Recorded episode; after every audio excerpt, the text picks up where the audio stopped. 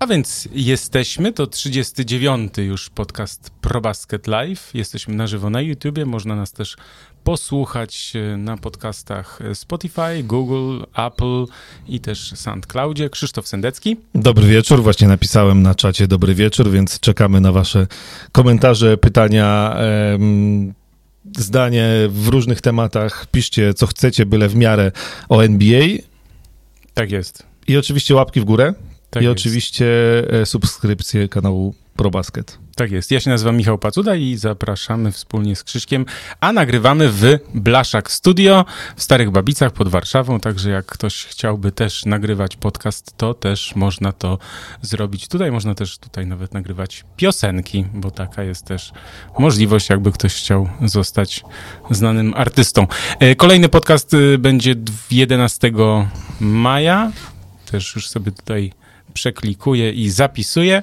11 maja we wtorek o godzinie 21. Już będziemy bardzo blisko playoffów, także będzie coraz, coraz ciekawiej, ale i tak myślę, że i tak jest ciekawie, bo y, nie ma co ukrywać. Dzieją się różne ciekawe rzeczy w NBA, no i myślę, że zaczniemy od tradycyjnie od y, podsumowania Krzyśka. Bardzo proszę, co się działo w ostatnich dwóch tygodniach w NBA? No przede wszystkim, no właśnie, jak wejdziesz na stronę NBA.com, to twym oczom, mym oczom i wszystkich oczom ukazuje się aktualizowana na bieżąco drabinka playoffów.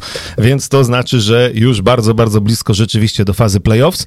I szczerze powiedziawszy, ja się już nie mogę doczekać, bo trochę mnie już zmęczył ten sezon. Strasznie dziwny, strasznie nierówny, z takimi nocami jak ta poprzednia, kiedy tak naprawdę jak ktoś się bawi w granie za pieniądze, stawiał bookmacherów, e, no to, to minionej nocy e, Detroit wygrało z Atlantą, Chicago z Miami, Minnesota e, z Utah Jazz, gdzie pięknie zgubił krycie w ostatniej akcji Rudy wow. Gobert.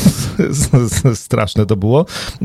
Pelicans wygrali z Clippers, no a Sacramento z Dallas, więc generalnie niespodzianek mniejszych i większych było mnóstwo. Jest też dużo takich meczów, na które wiesz, człowiek się nastawia, jak dwumecz Filadelfii z e, Milwaukee i później siadasz przed telewizorem i zastanawiasz się, em, co ty tu robisz i w ogóle po co po co to oglądasz, bo, e, bo raz nie gra Simons, drugi raz nie gra Simons i Embiid i Milwaukee tłucze tą Filadelfię jak chce i w ogóle jest to straszne do oglądania e, tak naprawdę. Więc e, sezon fajnie, że on się odbył, fajnie, że NBA wygrała z koronawirusem, chociaż ostatnio informacje, że 10 sędziów niedostępnych, z tego 9 albo na kwarantannie, albo, albo chorych na COVID-19, e, ale podobno mają być gotowi e, na playoffy właśnie i e, no i to jest ten taki dziwny, nierówny, zaskakujący sezon z mnóstwem różnych e, właśnie kontuzji, chorób, takich złych niespodzianek, które sprawiały, że te składy drużyn wyglądały różnie. Ale zanim go dokończymy, to jeszcze kilka pasjonujących pojedynków tutaj nam się kroi, właśnie i na wschodzie, i na zachodzie, o e, te poszczególne miejsca, także o udział w playoffach czy w play-in. Mm, Jeśli jesteśmy na wschodzie, to liderem wschodu jest w tym momencie Brooklyn Nets. Ostatnie dwa mecze wygrane. E, Brooklyn grają, e, gra cały czas bez Jamesa Hardena i tak naprawdę to oczywiście nie wiemy do końca, kiedy James Harden wróci. Jest spora szansa, że na playoffy, ale to jest taka spora szansa, którą ja bym podzielił, nie wiem przez ile, bo może się okazać, że wcale jeszcze w playoffach Jamesa Hardena nie zobaczymy. Co nie zmienia faktu, że Brooklyn Nets wciąż są mocni, wciąż są silni i wychodzi na to, tak patrząc na cały ten sezon, że tym najmocniejszym ogniwem Mhm. tej drużyny to okazał się jednak Kyrie Irving. Bo on był przede wszystkim zdrowy. On gra fenomenalnie, przeszedł na islam. Ja nie wiem, czy to jest nowa informacja, Ale ale jest, to mnie zaskoczyło, tak, ja też widziałem tę informację. Tak. więc y, teraz jest muzułmaninem. Em, I Kyrie Irving wyprawia na parkiecie rzeczy niesamowite i on cały czas ma naprawdę bardzo równą formę. Ktoś, to widziałem e, czyjś wpis i to rzeczywiście zgadzam się z tym, że to jest chyba taki zawodnik, który e, najbardziej niesamowite rzeczy potrafi zrobić ze swoim ciałem. W znaczeniu, jak masz taki wzrost powiedzmy, że nie za duży i pchasz się pod kosz, wchodzisz pod kosz, to on robi tam w powietrzu takie ewolucje, że nikt inny nie jest w stanie e, w taki sposób opanować swojego ciała, jeszcze oddać rzut i trafić ten rzut, no i przy okazji jest sfaulowany, więc to, to jest fajne. Kyrie Irving, e, nie było Hardena, nie było Duranta, no jego też chwilę nie było, ale z powodów, no, że tak powiem, rodzinno-osobistych i tak dalej, innych. Natomiast jak jest, to, to jestem pod wrażeniem i na razie, na razie Kyrie Irving y, na duży, duży plus w ogóle za cały ten sezon. Mhm. Z Kevinem Durantem wyglądają dobrze. No, Im też się zdarzają wpadki, im też się zdarzają słabsze mecze. Y, natomiast ta ważna informacja y, bo to się wydarzyło już po naszym ostatnim podcaście, więc myślę, że możemy do tego też wrócić, chociaż to już prawie dwa tygodnie minęły, ale zszokowana właściwie cała liga, czyli Lamarcus Aldridge, który ogłosił zakończenie kariery, e, bo się okazało, że ma arytmię serca. Znaczy on miał wcześniej też problemy już z sercem, tak. E, no i to jest akurat e, no tak też osłabienie, bo jednak wydawało się, że, że on jeszcze Brooklynowi może tam trochę dać. Poza tym to jest, to jest po prostu świetny koszykarz i szkoda, że ta kariera tak się kończy. Blake Griffin zostaje, ale jeszcze tak jeśli o Lamarcusie Aldridge'u mówimy, to no, siłą rzeczy przypomniałem sobie trochę trochę e, Lamarcusa Aldridge'a, trochę go odkurzyłem z czasów Portland Trail Blazers i San Antonio Spurs. I dwie rzeczy, które na mnie zrobiły wrażenie. Znaczy, mhm. jeszcze raz, e, nie, nie oglądałem wszystkich meczów, raczej, raczej jakieś tam skróty, dłuższe fragmenty. I znowu przypomniało mi się, że nie wiem, jak to się stało, że w 2016 roku e, San Antonio Spurs nie doszło przynajmniej do finału e, zachodu, a może i nie zdobyło mistrzostwa. To była taka paka, przecież to był ostatni sezon Tima Duncana, jeszcze z Tonym Parkerem, z Kawajem Leonardem, e, właśnie Lamarcus Aldridge, który wtedy był no, tam gwiazdą tej drużyny, on tam w playoffach rzucał po 40 punktów. Oni przegrali z Oklahoma, później Oklahoma z Golden State Warriors w finale zachodu. E, więc to jest jedna rzecz, a druga rzecz, e, to jeszcze większe wow na mnie zrobiło, e, z czasów Portland Trail Blazers. Zapewne pamiętasz takich ludzi jak Brandon Roy. Oczywiście. Oraz Greg Oden. Oczywiście. Oni we trzech z Lamarcusem Aldridge'em zagrali 62 mecze. Tylko 62 mecze, bo Oden i Roy to było ciągłe pasmo kontuzji. kontuzji. Mhm. E, jak Roy kończył karierę, to podobno w kolanach tam już nie miał nic e, i to groziło. A skończył karierę w, tak naprawdę pierwszy raz tam bodajże w wieku 27 lat, później na chwilę jeszcze wrócił, ale też się nie udało. Oni zagrali razem 62 mecze, z czego 52 wygrali. To jest jedna z tych drużyn, która Gdyby nie kontuzje, gdyby, gdyby, to naprawdę, naprawdę mogła być wielka. Natomiast no, to, się, to się nie udało. Teraz Lamarcus Aldridge mm, no, miał nadzieję, że, że na koniec swojej e, świetnej kariery zdobędzie pierścień mistrzowski. To się nie uda i w smutny sposób się kończy. Natomiast Brooklyn Nets na ten moment, patrząc na to, jak gra Philadelphia i Milwaukee, to wydaje mi się, że mogą już nie oddać tego pierwszego miejsca i, e, i to wszystkie drużyny będą do Nowego Jorku przyjeżdżać e, na więcej meczów, jeśli to będzie konieczne w playoffach, e, przynajmniej, przynajmniej do finału e, wschodu. Mhm. Ja, bo taką mamy koncepcję ogólnie, tutaj już myśmy mhm. rozmawiali z Krzyśkiem przed nagraniem, przed wejściem na żywo, że będziemy tak podsumowywać yy, takie najważniejsze wydarzenia z ostatnich dwóch tygodni, Natomiast wszystkie takie wątki poboczne dotyczące danej drużyny będziemy jednak wtrącać od razu, a nie potem, żeby potem wracać do danej drużyny. Więc o Brooklyn Nets y, ja popełniłem taki artykuł, dlaczego Nets nie wygrają mistrzostwa i tutaj wrzucam go na czat. Oczywiście nie jest to moja opinia, ale jest to opinia e, osoby, którą bardzo cenię, bo Jalena Rose'a. E, Jalen Rose parę dni później się e, tak próbował troszkę e, wycofać jednak z tej, z tej opinii, bo problem Brooklyn Nets jest taki, że oni no nie grają razem, ta wielka trójka praktycznie nie gra razem, zagrali razem 7 meczów taki, wrzuciłem link do tego artykułu. No wiadomo, tak jak powiedziałeś, Irving zagrał najwięcej spotkań, e, teraz wrócił Durant. Oczywiście on wrócił, słuchaj, po tam paru dniach, czy ile, dwa tygodnie? No jakoś tak. Jakoś tak. No w każdym razie nie było widać w ogóle. Antony Davis jak wrócił, to mówi, że potrzebuje czasu, nie grał 9 tygodni. Zardze, lekko zardzewiały. Tak, no. a natomiast y, Kevin Durant, tak jakby się nic nie stało, tak jakby wczoraj grał, to dzisiaj też, tak? Więc y, argumenty Jalena Rose'a są, były, bo już on troszeczkę się z nich wycofuje, były takie, że po pierwsze kontuzje, czyli nieobecność jednego z liderów zawsze jest poważnym ciosem w rywalizacji, no w rywalizacji w playoffach będzie, będzie dużym ciosem, natomiast dzisiaj patrząc na Brooklyn Nets, to wydaje się, że zarówno Kyrie Irving, znaczy Kyrie Irving i Kevin Durant w, w duecie są w stanie poprowadzić y, tę drużynę y, do, no nie wiem, co najmniej do finału konferencji, tak, że bez Hardena nawet. Więc to jest jakby ta jedna rzecz.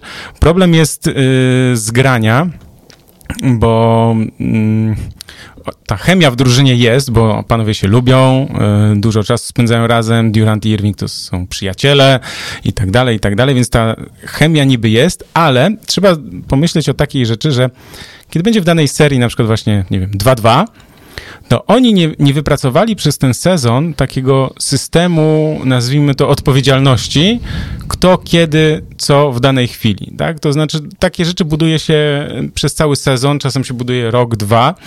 E, to zgranie w koszykówce jest bardzo ważne. Oczywiście to są tak wybitni zawodnicy, zarówno Irving, jak i Durant, jak i Harden, że tu można ten argument zbić tym, że oni po prostu są tak dobrzy, że to nie ma znaczenia, że zagrali tylko 7 spotkań razem, tak? Natomiast jedna rzecz, która jest, myślę, że znacząca i rzeczywiście ten argument jest, nazwijmy to, najmocniejszy, jeśli chodzi o szukanie słabości Brooklyn Nets, to fakt, że oni będą grali z wysokimi przeciwnikami, czyli e, Joel Embiid w Filadelfii, Janis w Milwaukee albo Bama Debajo w, w Miami Heat. Mhm. No i teraz jest tak, kto, go będzie, kto ich będzie krył, tych na, najwyższych, tak? Kevin Durant oczywiście może sobie próbować z Janisem e, dawać radę, bo Kevin Durant wbrew pozorom jest dobrym obrońcą, e, natomiast no, z Bamem Adebayo i z Embidem może sobie nie poradzić. Tutaj wtedy wchodzimy DeAndre e, Jordan albo Blake Griffin oni też grają, słuchaj, oni też grają takim ustawieniem, że tak naprawdę to na czwórce albo nawet piątce gra Jeff Green. No Jeff Green, mój absolutny, w sensie jeden z ulubieńców, yy, no nie będzie w stanie kryć Embida, mm. tak? Z Jan Janisem też będzie miał trudno, z Adebayo też będzie miał bardzo trudno, więc tutaj to jest ten problem, na który warto, myślę, że zwrócić e, uwagę w tej rywalizacji Brooklyn Nets z tymi drużynami z czołówki, czyli z tymi pozostałymi trzema na najlepszymi zespołami, tak? Znaczy takimi, którym mogą im zagrozić. Oczywiście przejdziemy jeszcze do Nowego Jorku, bo Nowy Jork w gazie, ale to, to chciałem zauważyć. Natomiast odnośnie Irvinga, to też taka rzecz, na którą zwrócił uwagę właśnie Rose, bo słuchałem sobie ostatnio podcastu. Yy Kyrie Irving jest niesamowity, znaczy my to wiemy, tak, ale chodzi o to, że on zaczął, jeden z tam z ostatnich meczów, zaczął od rzutu z dystansu, yy, wjazdu pod kosz i rzutu z pół dystansu, po czym jak zmieniono obrońcę, ponieważ jest za szybki, więc dali mu niższego gracza, to on go ustawił, wiesz, na poście, czyli tam, że zagrał jako, jako środkowy, tak. No, możliwości, atletyzm, szybkość, sprawność Kyriego Irvinga, jeśli tylko głowa mu na to pozwoli, no to to jest absolutny po prostu fenomen, jeśli chodzi o, o NBA i myślę, że obok Duranta rzeczywiście ten duet, jak oni, jak to się ładnie mówi, zapalą, wejdą w playoffy w najwyższej formie, jeśli kontuzje ich ominą, bo my ciągle mówimy o tych kontuzjach, no ale one się przydarzają i, i zawsze w trakcie sezonu to jest też wróżenie z fusu, bo zawsze trzeba sobie zadać pytanie, no dobrze, to teraz grają świetnie, ale co będzie, jak na przykład jeden gracz wypadnie? Wiadomo, że to jest zawsze argument, yy, rzecz, której nie da się przewidzieć, no ale, ale dosyć kluczowa, bo, bo wiemy na przykład po Utah Jazz, że jak wypadł Donovan Mitchell, no to oni już zaczęli grać słabiej, tak? Więc jakby i też nie wiem, czy tam w w jazz nie zabraknie paliwa w baku, jak to się ładnie mówi ale to już przejdziemy, jak, jak przejdziemy do zachodu. Także tyle o Brooklyn Nets. Jeśli macie też jakieś... Yy... No, Karol Malajczyk pisze, Nets mają jednak głębie składu. Mają. E, Shamet Harris, Green, e, Bruce Brown, e, oni naprawdę dorobili się e, mocnej, solidnej ławki rezerwowych. To, czym ty mówiłeś z centrem, mhm. to, no to właściwie od, od początku mówiliśmy, tak? No to jest jakby nie była ich najsłabsza e, strona. Co prawda jakby doszedł Blake Griffin do DeAndre Jordana, ale mm, na ile to wystarczy, to zobaczymy. Wiadomo, że oni będą przede wszystkim strzelać, strzelać i strzelać i tym chcą wygrywać mecze bez zbytniego ustawienia tej drużyny, jakby w sensie zgrania się, mm -hmm. bo, mhm. bo to jest niemożliwe. E, a jeśli o tej głębi składu, 27 zawodników w tym sezonie w koszulce Brooklyn Nets wystąpiło na parkiecie, 26 zdobyło punkty e, w obecnych rozgrywkach. To tak też tutaj widziałem przed chwilą, że ktoś napisał, że chyba e, Lamarcusowi Aldridge'owi tak, to też Karol Malajczak. Jak net zdobędą tytuł, to Aldridge'owi wyślą pierścień. To ta lista chętnych do otrzymania pierścienia jest bardzo, bardzo, e, bardzo długa. Czy wygrają? Przekonamy się. No, kto do, może przejdźmy do tych, kto, kto, którzy mogą im zagrozić. Wciąż, tak, wciąż Filadelfia i Milwaukee. Ja powiem ci szczerze, że jak oglądałem te mecze no, z osłabioną Filadelfią, jak grali Bucks, to i popatrzyłem w tabelę, to zastanawiałem się, dlaczego Milwaukee Bucks ma tylko 37 wygranych spotkań. No ale no, wiemy, bo trochę nie było Janisa, trochę oni jednak mm. nie na fulla, o czym już rozmawialiśmy, grają w tym sezonie zasadniczym, że te playoffy mają być e, super, hiper, wreszcie wspaniałe, fantastyczne i wreszcie Janis ma poprowadzić tą drużynę do wielkich rzeczy. No i tak, i to są te drużyny z tymi wielkimi ludźmi jako liderami, czyli Joel Embiid w dyskusji o MVP cały czas bardzo wysoko, e, jeśli nie pierwsze, drugie miejsce, bo chyba tak najłatwiej powiedzieć, z Nikolą tak. Jokiciem. Mhm. Wróć, Janis. E, Janis, oczy... Janis tylko dlatego nie jest w tej rozmowie, bo e, dwa poprzednie sezony to były MVP dla niego, więc on musiałby zrobić coś naprawdę, nie wiem, wow, ekstra więcej, e, żeby wygrać po raz trzeci nagrodę MVP. No tak, bo Janis 28,5 punktu, 11,4 zbiórki, 6 asyst, 1,2 przechwytu, 1,3 bloku, przepraszam. No to jest forma MVP. No to jest tak. jakby Janis y, do tej pory w karierze nie miał tytułu MVP, to byśmy rozmawiali o tym, że e, czy Nikola Jokic, czy Joel Embiid, czy Janis Antetokounmpo. E, o Janisie na razie nie mówimy, ale on gra na poziomie MVP. Ale to jest też ciekawe, bo on ostatnio opuścił kilka spotkań z powodu problemów z kolanami, ale to nie były duże problemy. On po prostu chyba odpo no, odpoczywał, bo chcą go na, na playoffy. Ja uważam, że mm, o ile w Filadelfii nie jestem przekonany, o tyle uważam, że na dziś drużyną, która naj, najbardziej może zagrozić Brooklyn Nets są właśnie Milwaukee Bucks z racji tego, jak obserwujemy Milwaukee przez cały sezon.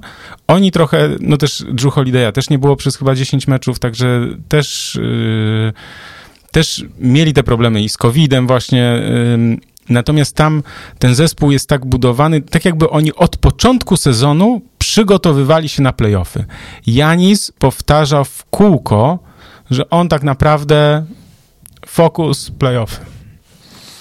No a moim zdaniem znowu Filadelfia ma przynajmniej na papierze wszystko, e, żeby powstrzymać no, Brooklyn. Ma, ma centra, jakiego Brooklyn Nets nie ma, czyli Joela Embida. Ma Bena Simonsa, który jest w stanie e, wybronić e, każdego. Ma Harrisa, ma Setakarego, którzy mogą strzelać. Tam mają Doka Riversa i dla mnie to jest duży plus. Mm. Niektórzy powiedzą, że minus powiem tak, Filadelfia może wypalić i może z Brooklynem wygrać równie dobrze, jak się spotkają. E, może się okazać, że Brooklyn łatwo tę serię z Filadelfią wygra i to będzie dość ciekawe starcie e, i trenerów, doświadczonego do Riversa z mało doświadczonym jako trenerem Steve'em Nashem, no i gdzieś tam oczywiście D'Antonim e, w tle to, to w ogóle ciekawe, czy dojdzie do takiego starcia w playoffach. Mogłoby to być, ale to tak czy inaczej. Czy Brooklyn z Milwaukee, czy Brooklyn z Filadelfią, to naprawdę będą bardzo ciekawe starcia. Tak, a jeśli jeszcze patrzymy na, na Embida, to też to, co powtarzamy, bo to jest... Yy stały jakby element naszego podcastu, to rzeczywiście u Embida, mimo że też opuścił parę spotkań i też miał problemy, na szczęście z tym kolanem to nie było nic takiego poważnego. Ja tam się obawiałem, to jak on spadł wtedy, to ja myślałem, że tam więzadło poszło, ale na szczęście nie. Natomiast Embiid ma, no sezon MVP jest, natomiast rzeczywiście ten jego styl gry, ten komfort, taki luz, pewność siebie, czyli ta pewność siebie w zdobywaniu punktów i bycia liderem drużyny. Mm, tutaj ja myślę, że bardzo duży element y, na plus do Cariversa to, że on, y, Embiid ma pełne zaufanie trenera, nie ma wątpliwości, że Doc Rivers stoi za nim, stawia na niego, nie ma do niego pretensji. Trochę myślę, że też dużo tutaj psychologia ma, ma wpływu to, że właśnie zawodnicy, nawet ci najlepsi, muszą mieć ten komfort tego wsparcia i, i świadomości, że jest się liderem, że no, po trzech nieudanych akcjach nie będzie pretensji, tylko ej, słuchaj, coś musimy zrobić, bo tutaj ci nie wyszło, to teraz ustawmy to tak, żeby ci wyszło, tak, a nie, że kurde, co ty robisz, tak? To jest taki prosty przykład, to, to są banały, ale słuchajcie, to się zdarza, że czasami właśnie jest zupełnie na odwrót, tak? Są kwasy, nieporozumienia i tak dalej i przez to też bardzo często drużyny przegrywają, kiedy nie ma mm, tej takiej no, nici porozumienia między trenerem a zawodnikami. Marcin Panko Pankowski, no okej, okay, Janis rzuci 45 punktów, a kto będzie bronił e, Duranta i Irvinga i Hardena? Drew Holiday jest bardzo dobrym obrońcą, Chris Middleton również. Także... Dlatego ja, ja tu mam, dlatego mówię o Filadelfii, bo jednak naprawdę uważam, że Ben Simmons to jest y, zawodnik, który może, że ktoś tu napisał chyba, że napsuć trochę krwi nawet KD. Oczywiście y, to jest teoretycznie to praktycznie niemożliwe. No, czekaj, nie wiem, czy teoretycznie, czy praktycznie, ale chyba ale i, te, i, teoretycznie, i praktycznie powstrzymać tak naprawdę e, Kevina Duranta, jak on jest, e, w, no jak nie ma jakiegoś, nie wiem, słabszego dnia i tak dalej, mm. na, na, normalnym poziomie, no to, no to tak, no ale to byśmy nie dyskutowali wtedy, tylko powiedzielibyśmy, że Brooklyn Nets wygrają. Nie, grali, nie gralibyśmy, gdyby to było takie proste no, i oczywiste. No. Rzeczywiście w tej rywalizacji do czterech zwycięstw to jest trochę tak, jak myślisz sobie o Lakers, jak jest zdrowy, nie wiem, LeBron i Anton Davis, to sobie myślisz, no dobrze, no jeden, dwa mogą przegrać, ale w rywalizacji do czterech, to sobie myślisz, no, no nie ma szans, żeby ktoś ich pokonał. Mm. Myślę, że to, to się akurat może zdarzyć, bo, bo może być problem z formą, ale to zobaczymy jeszcze. Natomiast, no, no tak, ja trochę o Milwaukee jakąś taką dużą sympatię, sympatią darzę i Di Vincenzo yy, i Pata Konatona, więc jakby może to jest też taki jakiś tutaj element y, kibicowski odgrywa. Poza tym ja bardzo lubię grę Janisa y, oglądać i y, to jak gra, więc tutaj może jakieś takie właśnie przesłanki moje, mi jest bliżej do Milwaukee z racji tego, że po prostu jakoś ich mm, nie wiem, ten styl gry bardziej odpowiada mojej jakiejś wizji koszykówki w przeciwieństwie do Filadelfii, którą, przepraszam, doceniam bardzo, natomiast no jakoś gdzieś tam mi bliżej do Milwaukee co nie zmienia faktu, że Filadelfia mocna również. Ale jakbym miał stawiać pieniądze, kto pokona w tym sezonie Brooklyn, zdrowych Brooklyn Nets, to bym powiedział, że zdrowi Los Angeles Lakers, a nikt na wschodzie. No ale mm, na Filadelfię mimo wszystko liczę, że przynajmniej to będzie e, dobra, fajna i wyrównana rywalizacja. Na czwartym miejscu na wschodzie New York Knicks. E, mówiłem Mówiłeś. Przed meczem gwiazd, Mówiłeś. że nie utrzymają tego czwartego miejsca, a tu na razie wygląda na to, że mm, pan Thibodeau przygotował coś więcej niż tylko e, wielkie wow na początek. Mm-hmm. Ta drużyna jest naprawdę świetnie zbudowana. Dziewięć zwycięstw z rzędu. Minionej nocy przerwana ta seria przez e, Phoenix Suns. Ale, I Chrisa Pola. E, tak, ale po właśnie dobrym, wyrównanym meczu z Chrisem Polem w roli głównej w końcówce. Natomiast E, New York Knicks to jest drużyna, która świetnie broni, co oczywiste u Thibodeau. Ja ostatnio przeczytałem na probasket.pl Mm. taki artykuł, Znam, że znam. tak, który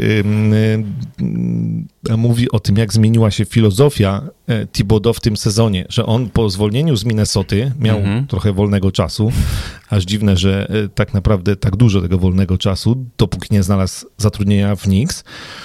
E, On jeździł po Stanach Zjednoczonych, po różnych klubach, odwiedzał kolegów trenerów i podobno wrażenie na nim spore wr- zrobiło to, co dzieje się e, w San Francisco, czyli Golden State Warriors. Aha. To, jak Steve, e, Steve Kerr prowadzi drużynę, że tam jest więcej luzu, tam jest więcej em, możliwości w trakcie meczu też dla zawodników do tego, żeby oni robili to, co chcą, a niekoniecznie to, co im trener narysował, więcej improwizacji i generalnie takie luźniejsze podejście, e, które było bardzo daleko od tego Thibodeau, którego znaliśmy. No i podobno, podobno z tego, co mówi Derrick Rose, rzeczywiście trochę, trochę Derrick wziął Rose sobie. akurat go bardzo dobrze zna. Tak, Derrick Rose go akurat bardzo dobrze zna. To też mi się podobało, że e, to jest e, zazwyczaj nikt tak nie mówi o swoim trenerze tyle, ile Derrick Rose ostatnio mówi o Thibodeau, ale oni się już tak długo znają, że mogą wszystko sobie powiedzieć i tak naprawdę e, nikt się tam ani nie obrazi, ani nic takiego. E, Więc Derrick Rose E, Też to potwierdza, że rzeczywiście jest więcej improwizacji na parkiecie, jest więcej luzu na treningach e, i oczywiście jest żelazna obrona, no bo z tego Thibodeau słynął jeszcze wcześniej jako, jako specjalista od obrony, zanim był e, pierwszym trenerem. E, Więc e, New York wyglądają fantastycznie. Oczywiście Julius Randle, Randle wygląda fantastycznie. Derrick Rose, e, Derrick Rose momentami wygląda jak ten chłopak sprzed dekady, który zostawał najmłodszym MVP e, w historii NBA. Mhm. E, Derrick Rose wychodzi z ławki rezerwowych, wchodzi na parkiet z ławki rezerwowych, natomiast później spędza na parkiecie po 30 kilka minut, gra do końca, gra najważniejsze akcje, rzuca, kreuje e, kolegów. E, ja po prostu z uśmiechem na twarzy oglądam Derricka Rose'a, no bo nie ukrywajmy, ja jestem e, fanem wielkim e, Derricka Rose'a. Nie bez I- powodu mamy tutaj zegarek marki Tissot właśnie z logotypem New York Knicks. Tak, Ja wiedziałem po prostu, o jaki zegarek poprosić przed sezonem. E, I to jest fajne, chociaż też rozbawił mnie Derrick Rose tekstem, który też się nam e, dosyć mocno e, rozszedł w mediach społecznościowych, że ja nie oglądam koszykówki. Stary, no przecież ja wolę spędzić czas z rodziną. No i w sumie ja to szanuję. E, więc... To mi się przypomina, słuchaj, jak Reg Miller, kiedy zakończył karierę, powiedział, że mm, jest pierwszy raz na meczu koszykówki w życiu. Kiedy nie grając w Mhm. nim. I tak jak, pytałem go, ale jak to? Przecież jak to, nie byłeś nigdy na, na meczu? On mówi, nie był nigdy wcześniej na meczu NBA, kiedy on nie grał, ale, ale wcześniej jakiś tam college, szkoła średnia i tak dalej. On mówi, no może, ale nie pamiętam, bo ja jak nie trenowałem z drużyną moją aktualną, to trenowałem indywidualnie. Że po prostu, wiesz, no, Mhm. grał, teraz ciężko trenował, a potem, wiesz, no nie, nie, nie tracił trochę czasu na, na oglądanie. Na pewno oczywiście, wiesz, oglądał jakieś akcje, analizy i tak dalej, ale że nie był po prostu fizycznie na meczu w formie, w formie takiego no, zwykłego widza. Jeśli chodzi o, o New York Knicks, to rzeczywiście Julius Randle ostatnio, y, o, może nie owacje na stojąco, ale takie okrzyki MVP, MVP otrzymał. Wyobraź sobie, on potem idzie spać i mówi, ej, kurde, mogę być MVP. Ale tak poważnie to on y, teraz sobie myślę, że powinien dostać nagrodę dla MIP. e, MIP no, za naj, na, największy postęp. największy postęp, bo w tej Mhm. chwili, no nie, no to był gość solidny, taki jakich mamy pewnie setkę w NBA, graczy, No już no dobrze, no pięćdziesiątkę. Dobrze, pięćdziesiątkę. No, coś S- takiego, sodny- s- y, solidny zawodnik i tak naprawdę w ciągu jednego sezonu stał się All-Starem, ale stał się gościem, który prowadzi swoją drużynę do zwycięstw. Zwycięstw, tak. To na przykład, bo ktoś napisał, że Zakala wina brakuje w Nowym Jorku. No chyba po to, żeby zaczęli przegrywać. To jest właśnie dla mnie ten idealny przykład. To, o czym też czasami mówimy. Jedno to rzucasz po 30-40 punktów, a drugie to, żeby twoi Drużyna koledzy wygrywała, żeby byli... wygrywała. Tak, żeby twoi koledzy byli obok ciebie też y, stawali się coraz lepsi. E, I mimo wciąż młodego wieku, Julius Randle naprawdę... Tak, bo ja patrzę sobie teraz na jego tutaj biogram, nazwijmy to, 26 lat ma dopiero, no 27, jeśli patrzymy na roczniki.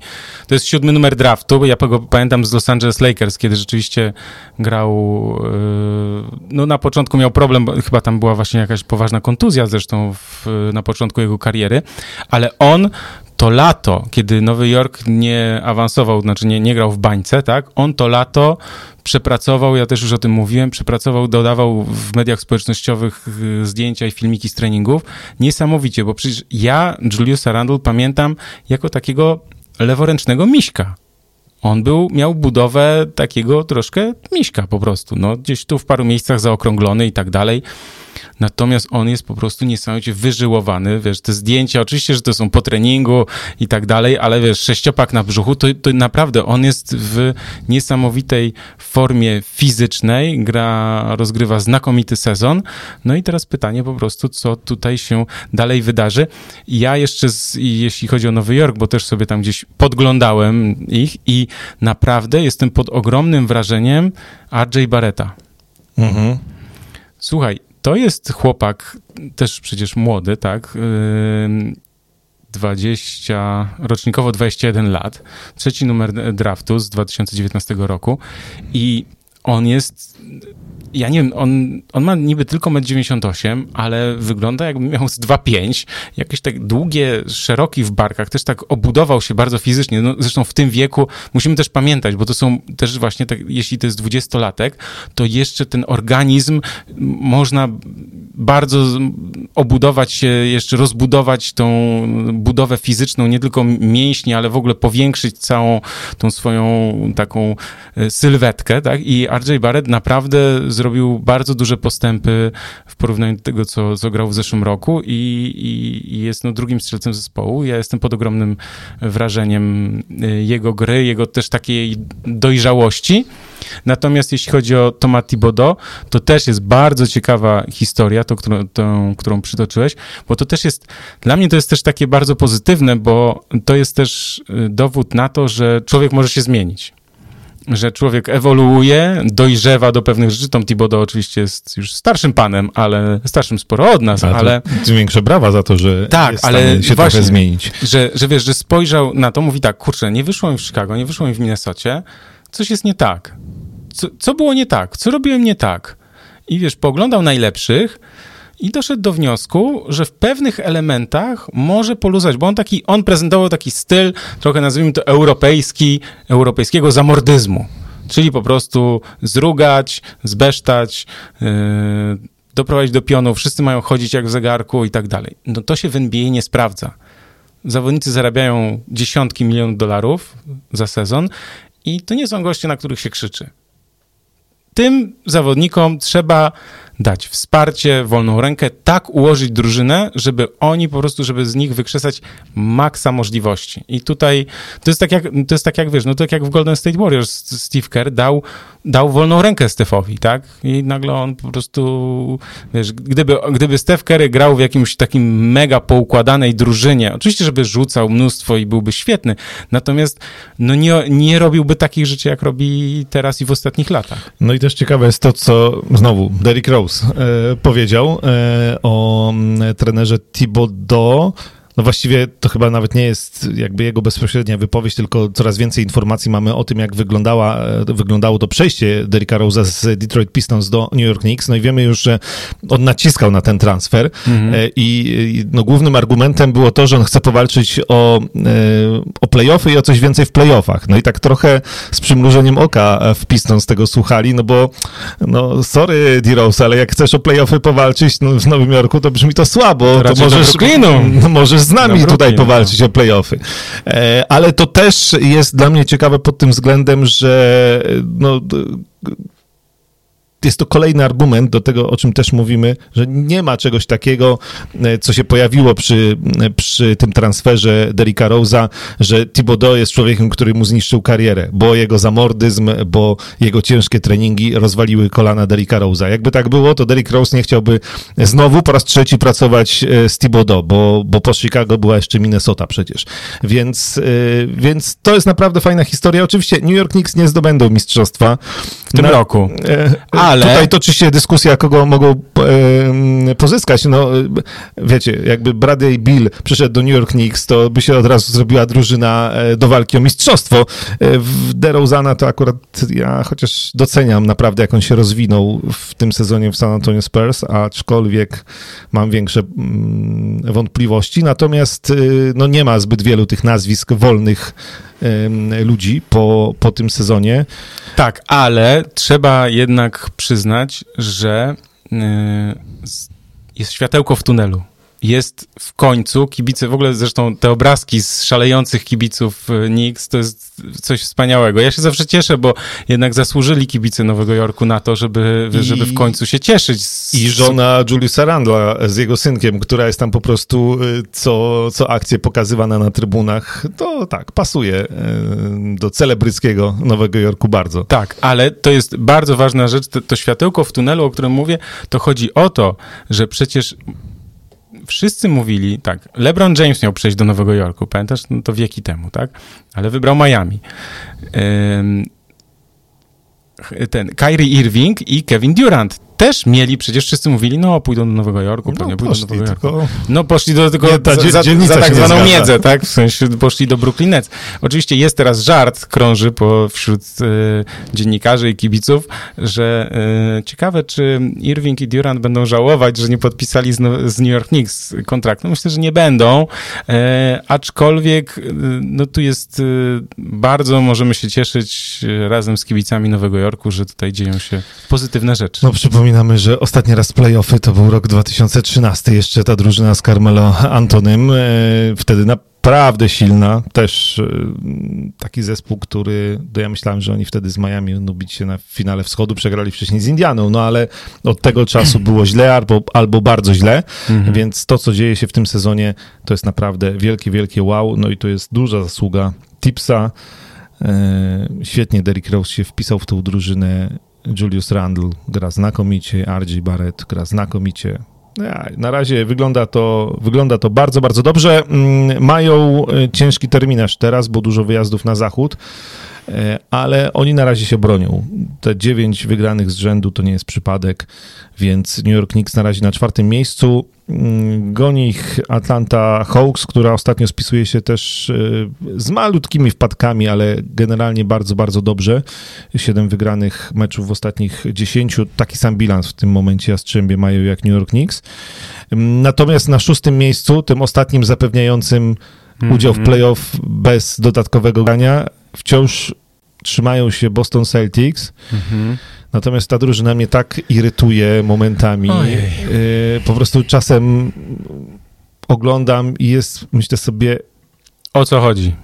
Nie, bo czasami myślę sobie, wow, to naprawdę coś z tego może być. Mhm. A później oglądam taki mecz jak z Charlotte Hornets i wydaje mi się, że im się po prostu nie chce, że oni się tak, jest coś takiego. po parkiecie, tak. a ci, ci, ci, ci, ci chłopcy od Jordana biegają po prostu e, jakby mieli, nie wiem e, co i gdzie, więc jakby im się po prostu chce, a, a Brooklyn Nets tacy, e, Celtics, przepraszam, Boston Celtics tacy zblazowani. To, tam się coś dzieje dziwnego. Jason Tatum i Jalen Brown, dwóch zawodników przecież All-Star, Kemba Walker, który no wiadomo, że przychodził jako wielka nadzieja. Ja jeszcze wyłapałem taką statystykę, to też jest ciekawe, to Jalen Rose powiedział, ja nie wiem, nie wiem jak to sprawdzić, w każdym razie, słuchaj, przez w tym sezonie przez 56% czasu Celtics przegrywali różnicą co najmniej 10 punktów. To jest przez 56% mm -hmm. czasu gry. Mm -hmm. Ja to tak zrozumiałem. Mam nadzieję, że, że czegoś nie przekręciłem. Ale rzeczywiście w tej drużynie brakuje takiej euforii, radości grania wspólnego. Ja myślę, że tam dojdzie Den Ainge, zrobi jakąś rewolucyjkę, bo znamy Denego Ainge'a z tego, że mm, się nie patyczkuje i nie czeka i nie przebudowuje drużyny przez pięć lat, tylko robi po prostu ostrą jazdę i, i, i dokonuje jakichś tra transferów. Brad Stevens to też jest ciekawe, bo, bo troszkę wygląda na to, że trener sobie nie radzi z tą drużyną, nie ma na nią pomysłu. Oni chyba mają 23 czy któreś miejsce pod względem asyst, także to też jest... No tak, oni, oni potrafią zagrać mecze, które się dobrze się ogląda zespołowo, natomiast tam bardzo dużo, to też indywidualnie, takiej tak. indywidualnie dużo mhm. izolacji, dużo grania właśnie pod konkretnych zawodników, Kemba Walker sam, Jason Tatum sam, e, no a, a, no a trener, no słuchaj, no jak ja go słucham na konferencjach i on ma do powiedzenia, no dzisiaj zagraliśmy źle, no bardzo źle, e, no to... Wnikliwa analiza tutaj widzę. Wiesz, no coś, coś, jest, coś jest nie halo, ale aczkolwiek e, jeszcze ciągle na szóstym miejscu, natomiast już tam tuż za nimi Miami Heat. Było pytanie, yy, przepraszam, bo... No, no, możemy nie, cofnąć też, możemy to, cofnąć, bo możemy wrócić do kilku pytań, jeśli chcesz. Tak, yy, jak myślicie, z kapslokiem napisane, więc dlatego mi się rzuciło w oczy. jak, myślicie, jak myślicie, co osiągnął New York Knicks w tym sezonie? Ja mam nadzieję, że przejdą pierwszą rundę. Mm, chociaż jak trafią na przykład na Atlantę, to... Moim zdaniem w rywalizacji New York Knicks, Atlanta Hawks ja stawiam na, na Nowy Jork z racji właśnie doświadczenia graczy Nowego Jorku i formy Randla. Dla, Trey, dla Treya Younga to będzie tak naprawdę pierwszy duży krok w karierze playoffy, więc tutaj ja bym stawiał na, na Nowy Jork z racji doświadczenia, no bo też tak już jest w sensie w NBA, że wygrywają weterani. W sensie rzadko się zdarza, że, że, że, że tak młodzi, że debiutujący w playoffach na przykład zawodnicy coś dużo osiągają. Jednak to pokazują lata, e, że, że to doświadczenie też trzeba zebrać.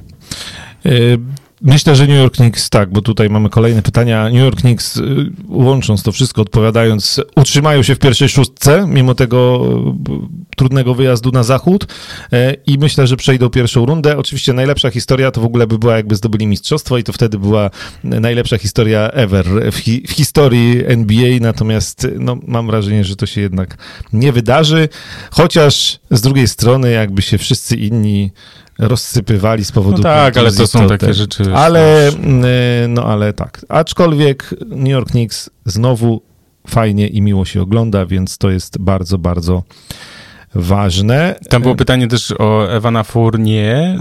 Y, no tak, on się jakoś... Wydawało się oczywiste, że on po prostu... 0 na 10, pamiętasz? Tak, wydawało się oczywiste, że on przyjdzie do tej drużyny i będzie dostarczał punkty, a na razie jakoś celownik rozregulowany Wiesz co, bo to, bo to, bo to też jest w ostatnich dwóch meczach 0 na 3 i 0 na 7 z gry.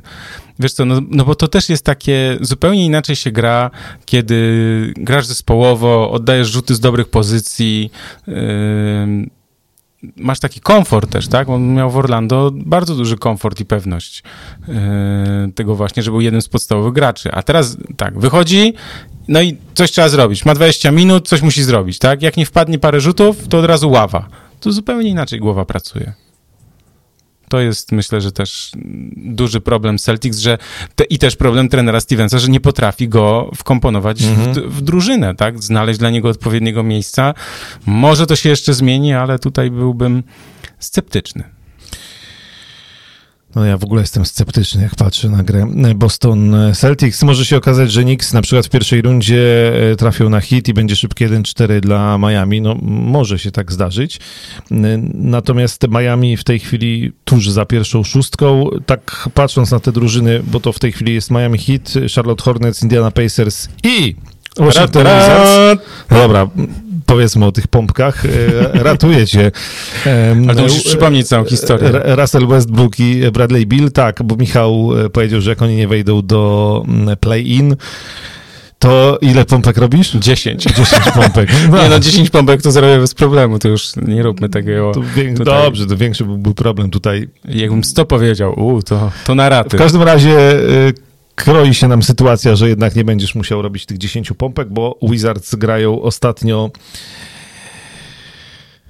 no wygrywają, bo może ja jestem tak trochę sceptyczny, bo mam wrażenie, że aż tak dużo w grze tej drużyny się nie zmieniło na plus, natomiast, natomiast wygląda na to, że żeby załapać się na wschodzie do play-in, y, wystarczy mieć wciąż fantastycznie strzelającego i grającego Bradley'a Billa oraz Russella Westbrooka, który jest takim Russellem Westbrookiem z poprzednich sezonów. W każdym meczu właściwie e, triple-double, 29 e, zaliczył minionej nocy, to już jest 174 w sumie w karierze i już tylko Albo 175 chyba, nie? 5? 7 mu brakuje do... 7, tak, a nie 6? No dobra, okej. Okay. Ja mogłem coś źle zapamiętać. Robertsona, chyba że to 174 wziąłem sprzed tej nocy. Możliwe. W każdym bądź razie jest już bardzo, bardzo... W każdym razie. W każdym... Dobrze, w każdym razie. E, w każdym razie. Um... Wizards wygrali ostatnich 8 spotkań, znaczy teraz przegrali po dogrywce z San Antonio tak. Spurs, ale wcześniej wygrali 8 e, meczów. Musimy przypomnieć też, e, że oni w styczniu raz, dwa, trzy, cztery, pięć meczów mieli przełożonych, więc teraz mają taki no, jeszcze bardziej intensywny terminarz niż wszyscy inni, więc to też trochę może działać na minus, ale z drugiej strony to też może działać na plus dla takich wariatów jak Russell Westbrook, bo on łapie formę i wiesz, oni grali, ja patrzę, to tak, 10, 11, 13, 15, 17, 18, 20, wiesz, to jest po prostu czasem dzień po dniu, a czasem co drugi dzień po prostu grasz mecze. To, to jest bardzo duże obciążenie dla organizmu, zwłaszcza jak są podróże, ale grali też całą serię meczów u siebie, więc yy, tutaj naprawdę też mogło w końcu zapalić to, że Russell Westbrook, wiesz, jak złapał formę, nic go nie rozpraszało, nie było właśnie tych rozbicia y, jakichś odkładanych meczów i tak dalej, więc y, no jeszcze mają trochę do rozegrania Lakersów u siebie. Cleveland, Dallas, Indiana, Milwaukee, Toronto, Indiana, dwa razy Atlanta. No nie będzie łatwo, ale walczą z Chicago Bulls, którzy, jakby to powiedzieć, Słabiutko. Słabiutko. Ja, te, ja, taką sobie statystykę tylko Tak, no właśnie chciałem ci... powiedzieć, że mi podesłałeś, to powiedz. Tak, że y, przed, y, od momentu transferu Wucewicza y, 3-8 y, z Lawinem, bilans, 4-3 odkąd y, Lawin nie gra. No i to potwierdzałoby moją teorię, bo nie ukrywam, że ja nie jestem wielkim fanem Zaka Lawina w znaczeniu Uważam, że to jest taki zawodnik, który nabijać punkty może. Oczywiście on gra, on gra, fantastyczny sezon. tak, i on highlighty też. E, gra fantastyczny sezon, tylko że to jest taki gracz, który w takim zespole jak Chicago Bulls no nic poza tymi świetnymi statystykami indywidualnymi nie osiągnie, że to nie jest zawodnik, który poprowadzi tę drużynę do zwycięstw. No i to jest nasz dziwne, tak, że, że masz takich dwóch graczy i jak Lawin nie gra, to Chicago Bulls grają lepiej bez niego niż z nim. To jest duży cios też dla niego, myślę, taki tak. psychiczny, bo to rzeczywiście, no on widać, że po prostu można chyba tak powiedzieć, że nie dojrzał jeszcze do tej roli lidera drużyny, która ma za cel główny wygrywanie. On no jest nastawiony na po prostu zdobywanie punktów, bycie najlepszym zawodnikiem na boisku.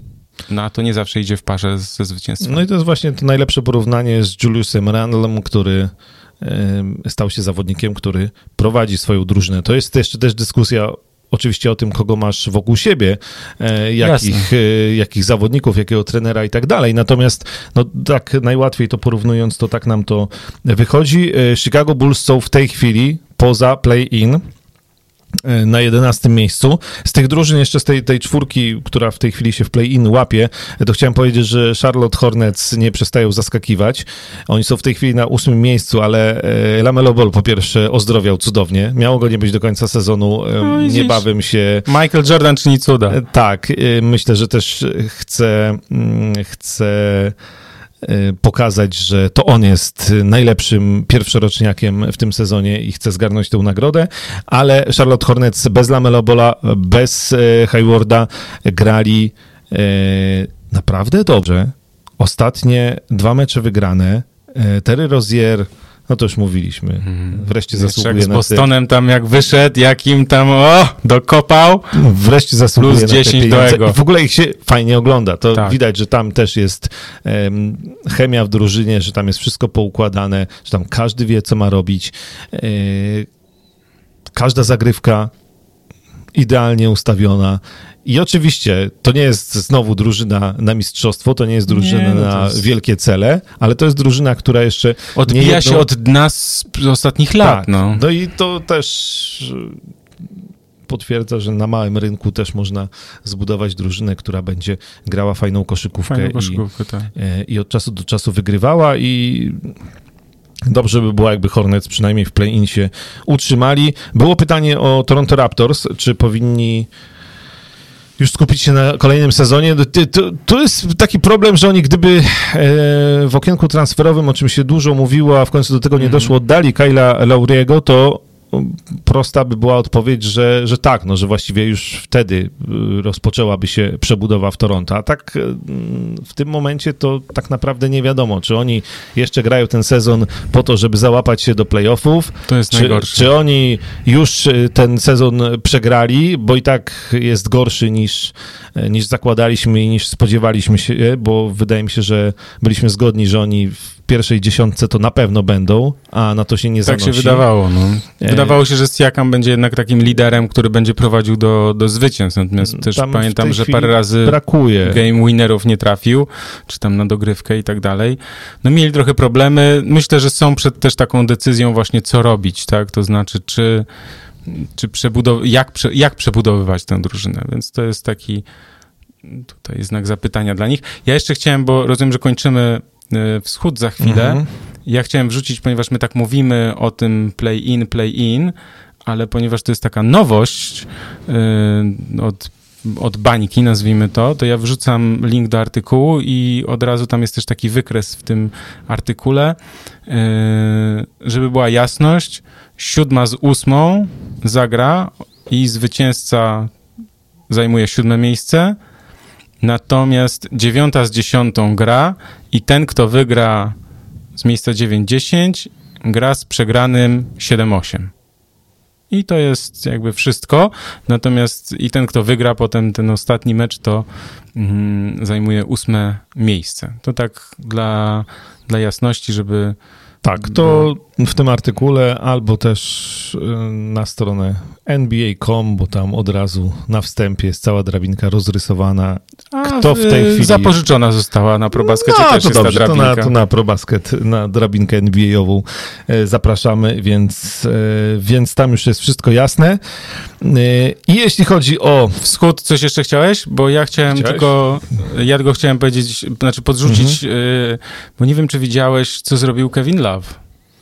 E, To takie dziwne zachowanie, po którym oddał piłkę rywalom. Tak. Ja wrzucam już Kevin Love, y, link też do, do newsa, gdzie można zobaczyć sobie to wideo. Y, No, jest takie pytanie, czy Kevin Love chce jeszcze grać w koszykówkę? Patrząc na to, to nie bardzo. Ja widziałem tylko to wideo. Teraz to nawet powiem ci szczerze, że nie wiem z jakiego to jest meczu Z Toronto. z Toronto. Bo on generalnie kłócił się tak z sędziami, Tak, miał wznowić tak. grę i tak naprawdę wypuścił Pa- piłkę, piłkę i tam rąk trójkę walnęli. i tak, i, i Toronto rzuciło trójeczkę za darmo tak naprawdę. E, Są to delikatnie mówiąc dziwne e, zachowania, a też no widzisz, to jest też ciekawe. Kevin Love, zawodnik, który no jeszcze nie tak dawno e, był tak naprawdę na szczycie NBA. Mhm. Był All-Starem, grał z LeBronem Jamesem w Cleveland Cavaliers, więc Wiesz, no może być frustracja. Musimy jeszcze pamiętać o tym, że to jest jeszcze, ja sobie tutaj szybko sprawdziłem. On tak, za ten sezon 31 baniek, za następny 31 i za jeszcze jeden 28,9. Więc ja nie wiem, czy to nie wy... y, możemy to nazwać chyba tak oficjalnie nawet syndrom Blake'a Griffina. Czyli e, gram piach, zachowuję się jak gamoń, e, wymieńcie mnie. Tylko teraz pytanie jest takie, kto weźmie 33-letniego Kevina Lava z takim kontraktem? On w tym sezonie, co prawda, wiesz, no tylko 18 meczów zagrał, bo też miał problemy z kontuzjami, ale no słuchaj, ja pamiętam, ja pamiętam tego chłopaka, jak on w Minnesocie jeszcze robił, wiesz, po 20 punktów, 15 zbiórek. Mhm. Przecież to była maszyna do, do, do zbiórek, tak? On w tym sezonie 23 minuty na parkiecie, zbiórek total 6.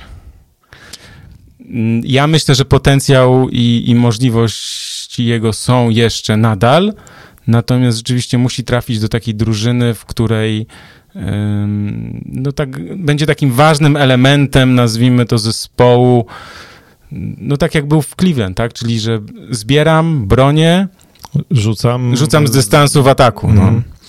E, Marcin Rozciągam grę. No. Marcin Pankowski tu broni e, Kevina Lawa, że sędziowanie było tragiczne i sędzia rzucił do niego piłkę po faulu i braku gwizdka. Tak, tak, to, odrzucił, to, mhm. żeby też łapać kontekst, że sędzia z J-League, no o czym mówiliśmy, że jest problem z sędziami, to swoją drogą, e, bo są braki przez koronawirusa. No tak, tylko, tylko ten mecz był, ja, ja też wytłumaczę w sensie, dlaczego to jest takie dlaczego to zwracam tu uwagę? Tam był faul pod koszem, bo on został odepchnięty dosyć tak nieprzyjemnie.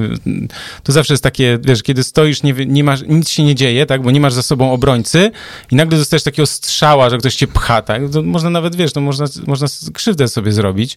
E, I potem sędzia rzucił do niego piłkę i on tak odbił, e, że ta wpadła na parkiet i, i Raptors ją sobie wzięli. Natomiast tam był mecz na styku jeszcze w tym momencie. I wiesz, doświadczony zawodnik nie robi takich rzeczy. W, w tym sensie, że ta frustracja, wiesz, przy minus 20, okej, okay, ale no nie w momencie, kiedy jeszcze, kiedy jeszcze można wygrać, tak? Więc to jest. Um, to jest. Y, dla, dlatego na to zwrócimy uwagę. No o tak. Tutaj jeszcze Karol pisze, że Kevin Love dobra opcja 3-4 a nie materiał na lidera do grania no tak, ale kontrakt rzeczy. to taki trochę większy niż 3-4 ma, tak, więc tak, to jest tak. ten problem. No, no tak, znaczy y, y, tak, to, to, to, jest ten problem. To jest trochę taki syndrom Draymonda Greena, kiedy w zeszłym roku, kiedy Warriors e, mieli ogromne problemy, tak, bez Kleja, Steph też przecież złamał rękę i e, i było tak, że Draymond Green, też taki zadaniowiec, nazwijmy to, tak? Zawodnik, który odnajduje się w odpowiednim systemie, nie jest liderem drużyny. Kevin Love nie będzie liderem drużyny żadnej tak naprawdę. No, mógłby być jakiś, znaczy właśnie nawet tej najsłabszej nie, bo on nie ma takiego stylu grania, z takiego stylu gry, który mu da to, że on będzie grał właśnie jeden na jeden czy coś. No, on, on nie, nie, nie jest w stanie tak grać. Natomiast młodzież w Cleveland nic sobie nie robi z tego, że Kevin Love to jest mistrz NBA z mhm. LeBronem i tak dalej, tylko po prostu jedzie sama i jak mu podadzą czasem, no to, to okej, okay, ale też nie za często, bo po co? Jak można samemu zdobyć punkty? To prawda, chociaż trochę hashtag smuteczek, ale e, co zrobić? Idziemy na zachód? Idziemy na zachód. Na zachodzie mamy pierwszą drużynę, która zapewniła sobie oficjalnie udział w playoff. Mm-hmm. Jest to Utah Jazz, mimo porażki minionej nocy, e, w fatalnych okolicznościach, jak już wspominaliśmy. E, jakby ktoś tylko tę jedną akcję Rudego Goberta w obronie obejrzał, to nie uwierzyłby, że to jest jeden z najlepszych obrońców ligi, czołowy zbierający. No tak, ale też na tak usprawiedliwienie go powiem, że no takie rzeczy zdarzają się nawet najlepszym, tak? Poszło, poszło przekazanie, on tego nie usłyszał i, i dlatego D'Angelo Russell zdobył tak naprawdę punkty za darmo na, na zwycięstwo. Tak jest. Natomiast mimo wszystko Utah Jazz y, mają 44 wygrane i 17 porażek. To jest najlepszy bilans w lidze. Gonią ich niesamowici wciąż Phoenix Suns z niesamowitym Chrisem Polem, o którym tutaj Piotr System napisał Stary Człowiek i może, no może i to naprawdę coraz bardziej. E, Chris Paul, ja bym powiedział, że on się rozkręca nawet przez ten sezon i im bliżej playoffów, tym jest jeszcze lepszy i jeszcze lepszy i Phoenix Suns to jest drużyna, która ja jestem bardzo ciekawy, mhm. co oni zrobią w playoffach tak, ale jeszcze o Utah Jazz, w sensie chwilkę, tak? Mhm. Możemy? Eee, bo oni mają chyba bilans 6-6 w ostatnich 12 meczach i teraz jest niesamowite, że z Minnesotą mają 0-3. Zdarza się. I teraz grali dwa mecze z rzędu z Minnesotą. Eee, i w obu, jeśli się nie mylę, to chyba roztrwo, roztrwonili przewagę 17 punktów, jakoś tak. Więc takie rzeczy drużynie, która zajmuje pierwsze miejsce i przez wielu nagle, no przez nas też w pewnym momencie uznano, no tutaj Utah Jazz, długa ławka, świetnie, wszyscy tutaj grają i tak dalej. Jest jedno pytanie takie otwarte, które można sobie zadać. Czy jazz zaczyna brakować paliwa w baku, jak to się ładnie mówi? Czy oni na playoffy, wiesz, bo to jest, bo to jest też taki, to też jest w sporcie, tak, że, na, że z formą trzeba trafić w odpowiednim momencie. No jak oni ten Trafi, dołek trochę za wcześnie. trafili za wcześnie i ten dołek przyjdzie na playoffy, to się może skończyć na pierwszej rundzie. No. Tak, szczególnie, że tu z ósmego miejsca na przykład trafiliby na jakiś Portland. Albo Golden State. Albo Golden State. To wiesz, to, to się różne rzeczy mogą dziać, w zależności od tego, jak tam panowie odrzucania trójek będą wyglądali, a może jeszcze bardziej, jak ich koledzy będą wyglądali. Jest jedna też zasada, którą jakby ja yy, wyznaję od, nie wiem, 20 lat, że trójką można wygrać, a trójka bywa zdradziecka. Bo jak nie wpada, to czasami masz, kończysz mecz pod tytułem 4 na 28. A Utah Jazz to jest drużyna, która najwięcej rzuca za 3 punkty, więc... E, trójka bywa zdradziecka. Więc może tak też się e, przydarzyć. O Phoenix Suns? Proszę. E, ale coś więcej niż w tamtym tygodniu mamy do powiedzenia oprócz zachwytów nad Chrisem Polem i nad tą drużyną i nad tym, jak on odmienił Phoenix Suns to ja nie wiem, czy, czy jeszcze coś, coś jestem w stanie możemy... dodać. Oprócz mm. tego, że już tylko jedno zwycięstwo mniej od Utah Jazz, 7-3 w ostatnich 10 spotkaniach i e, Phoenix Suns momentami wyglądają obłędnie. Do tego oni, jeszcze raz to powtórzmy, niczego nie muszą. Oni są jak New York Knicks y, na mm, wschodzie. Mm. Wiesz, nikt nie pytał, a wszyscy na to czekali. No, nikt się nie spodziewał, a, a wszyscy się cieszą po prostu z tego, że oni są tak wysoko, będą grali, w ogóle będą grali w playoffach, a że z drugiego miejsca, a może z pierwszego, a może z trzeciego, no, tak, no to tak, będzie tak, wielkie tak. wow. I tylko kwestia, czy Chris Paul dowozi, czy nie dowozi. Jak... Do tej pory nie dowoził. To jest też taki nasz tekst, w sensie mój trochę z jednego z podcastów, kiedy właśnie mówiliśmy o e, Chrisie Polu że on nie dowozi, tak? Natomiast teraz wszystko wygląda elegancko, natomiast zaczekajmy na playoffy, bo to jest czas weryfikacji, tak? Więc to jest, myślę, że bardzo ważny moment i sprawdzian dla niego. Devin Booker Czekaj, to też musimy pamiętać o tym, że oni grali świetnie w tej bańce, tak? To już była taka zapowiedź, że następny sezon będzie należał do Phoenix Suns, to znaczy, że oni gdzieś właśnie namieszają, wejdą do tych playoffów i rzeczywiście mogą być wysoko tak jak sądziliśmy, że będą też Dallas Mavericks, którzy nie są wysoko, a Phoenix Suns są. Ja myślę, że tutaj nie ma co, co dłużej o słońcach się... Ja jestem też pod wrażeniem e, DeAndre Aytona, mhm. E, który robi niesamowite postępy i myślę, że też bardzo szybko dorasta na, na, na czołowego e, centra tej ligi, a to też jest chłopak, który ma 22 lata. 23 lata w tym roku e, skończy. E, no to przypominam pierwszy numer draftu 2018 Oczywiście. roku, więc, e, więc tu też jest naprawdę coraz lepiej. Phoenix Suns rewelacyjni. Na zachodzie, na trzecim miejscu Los Angeles Clippers, którzy też ostatnio złapali niezłą formę, 8-2. Mm. Paul George jakby się ktoś martwił, no chociaż wiem, że wszyscy się martwią, znaczy wszyscy, no wiele osób się martwi o to, jak to będzie wyglądało w playoffach. To jest kolejny zawodnik, który dokładnie ma to samo do udowodnienia, co, co Chris Paul. Tak, że wreszcie w playoffach e, chciałby coś wygrać e, Paul George, natomiast Los Angeles Clippers e, bez tak naprawdę większych problemów, no bo tam, że czasami Kawhi Leonard nie będzie grał, to, to mogliśmy się spodziewać. Mhm. Natomiast e, formy Paula George'a myślę, że wiele osób się nie spodziewało, a jest ona genialna i Los Angeles Clippers też mam wrażenie, że coraz wyżej pojawiają się w tych power rankingach, jako taka drużyna, e, która z jednej strony ma to doświadczenie, ma tych graczy, którzy zdobywali mistrzostwa, jak Kawhi Leonard, ma takich graczy jak Paul George, e, czego na przykład brakuje Utah Jazz, czy brakuje Phoenix Suns, no bo Chris Paul ok, ale, ale nigdy niczego wielkiego nie wygrał. Z drugiej strony e, ma ustabilizowaną formę przez cały ten sezon. E, ma Rażona Rondo, który jest człowiekiem tutaj sprowadzonym centralnie na playoffy, bo to nie miał być gość, który będzie biegał po 30 minut po parkiecie i wygrywał im mecze w sezonie zasadniczym. On ma ich poprowadzić e, w playoffach. No i podpisali Kazinsa. Tak. I zostawili Kazinsa, Tak. bo to jest tak, że podpisali, to już mówiliśmy, ale że zostawili go, bo on był początkowo na 10-dniowym kontrakcie, więc zawodnik, który e, miał problem, żeby znaleźć swoje miejsce w NBA, być może e, odnajdzie się w Los Angeles e, Clippers i odpowiednio wykorzystany, bo broń Boże nie jako lider, e, to, mm, to się może, może przydać. Minionej nocy oni akurat przegrali. Przegrali z Pelicans. Ale tam właśnie Cousins całkiem przyzwoity mecz zagrał. Więc y, jak to dobrze poukładać w playoffach, odpowiednio wykorzystać doświadczenie i wielkość Kawaja Leonarda, trafić z formą Paula George'a, wykorzystać y, Rajona Rondo Cousinsa odpowiednio, no to to Clippers wyglądają całkiem, całkiem solidnie. Tak, tak, tak. Wyglądają solidnie i rzeczywiście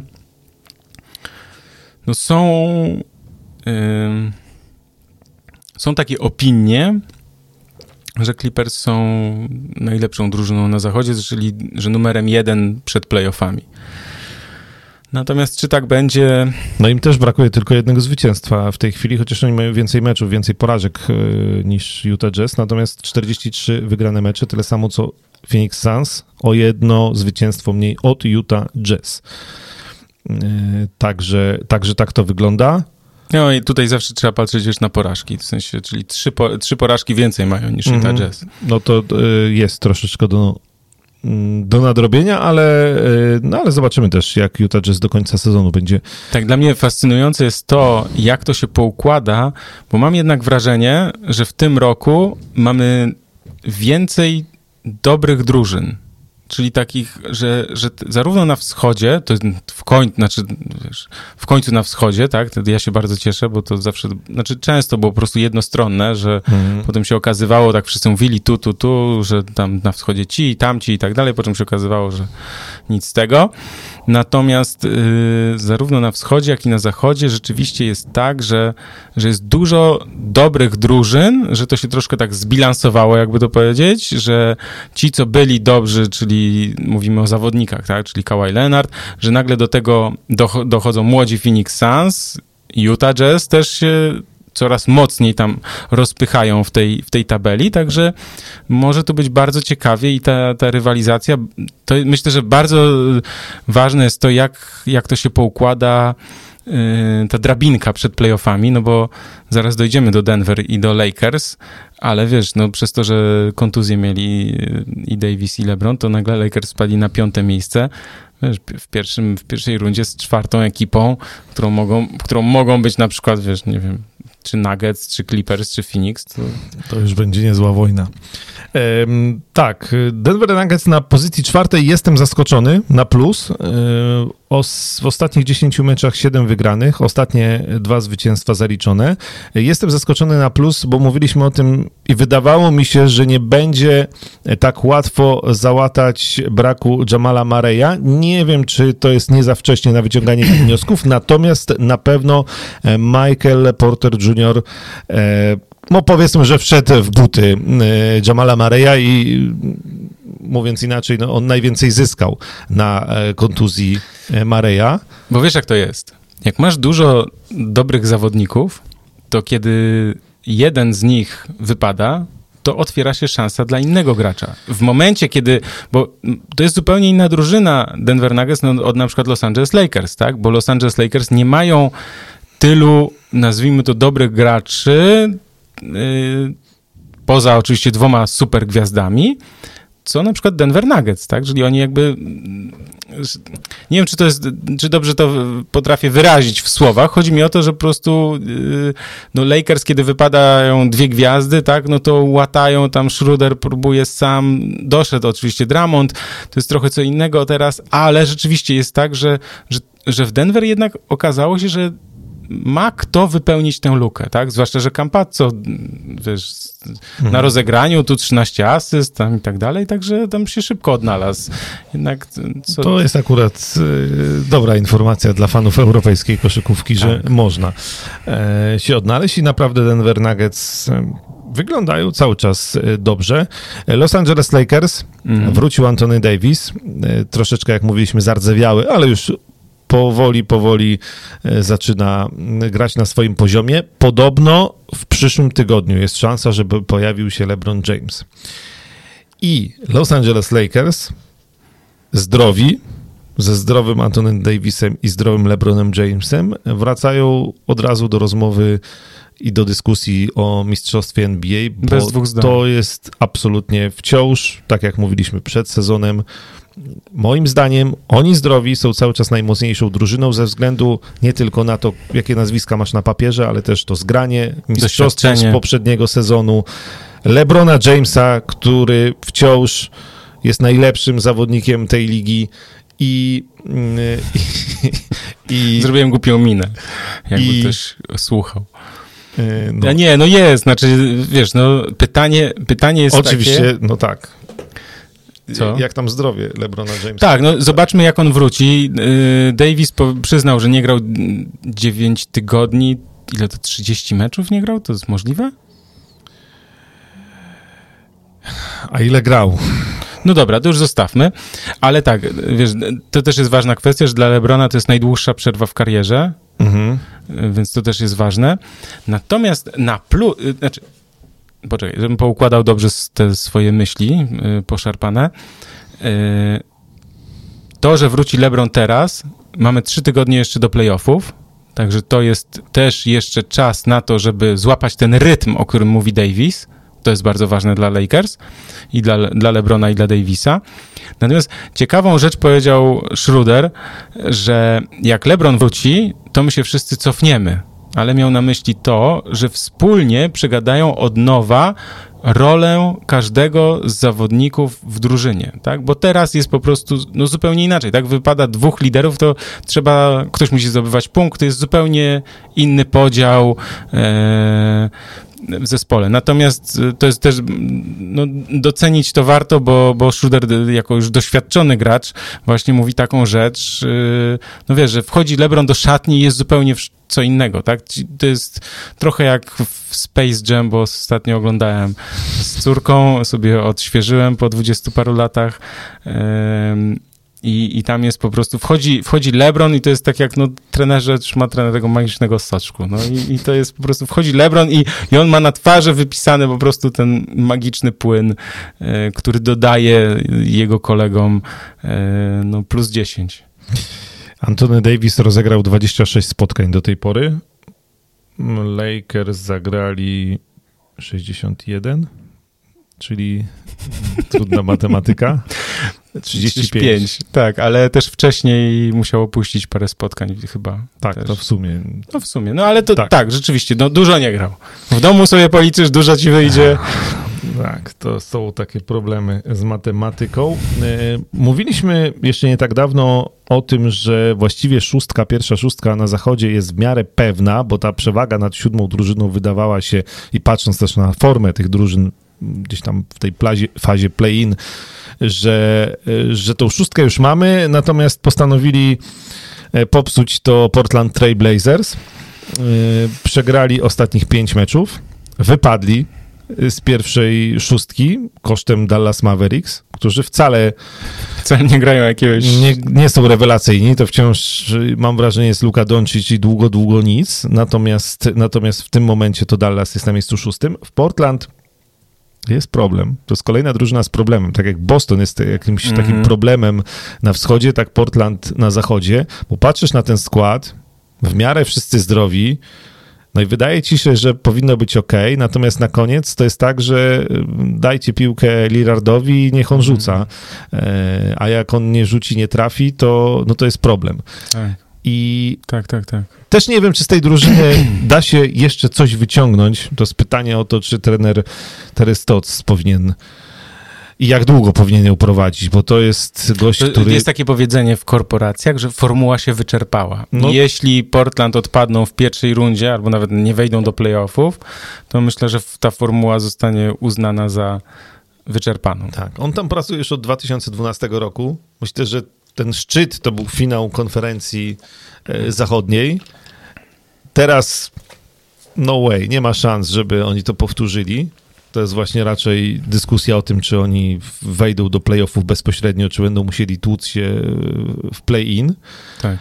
I naprawdę tam tak dużo zależy od Damiana Lillarda, że to jest aż nie do uwierzenia, bo, no bo masz tam jednak y, McColluma, masz yy, Nurkicza, Powell. jeszcze nie do powiedzmy nie w takiej formie, w jakiej był, no ale, ale, ale jest, no jest gdzieś tam Melo z ławki, Covington, o którym mówiliśmy, że świetny obrońca, bardzo dobry ruch, no i to jakoś nie działa, no. no nie działa, męczy się do Portland straszliwie. Tak, męczą się i, i to, co powiedziałeś, że grają po prostu zbyt indywidualnie nastawieni po prostu na, na zbyt indywidualną grę. To się w playoffach oczywiście, wiesz, może okazać, że jak, jak trwoga to do Damiana, ale jak są nerwy i emocje i, i, i ważą się losy ważnych meczów, to, to on będzie trafiał. Natomiast no, Portland na razie, oni przegrali chyba 7 z ostatnich 8, coś takiego. No ale właśnie też... Yy, Dwa razy z Memphis. Bo też. Lillard y, gra na, na słabej skuteczności, wielu rzutów nie trafia i, i to się okazuje, że bez Lillarda w super formie mhm. E, no to Portland ma poważne problemy z wygrywaniem i e, no i słabo to wygląda, e, tak generalnie. Natomiast co się stało z Porzingisem? Mamy tu pytanie od Marcina Pankowskiego. Mam wrażenie, że też już wspominaliśmy o tym, że gdzieś połączenie kontuzji i tego, że on nie do końca wrócił, jednak z mentalnością i szczerze powiedziawszy, to ja nie mam mądrej odpowiedzi na to, co się stało z Porzingisem, bo on momentami jeszcze. On sam nie wie chyba. On sam chyba szuka tej odpowiedzi, bo on chyba nie wie do końca. Um, jak.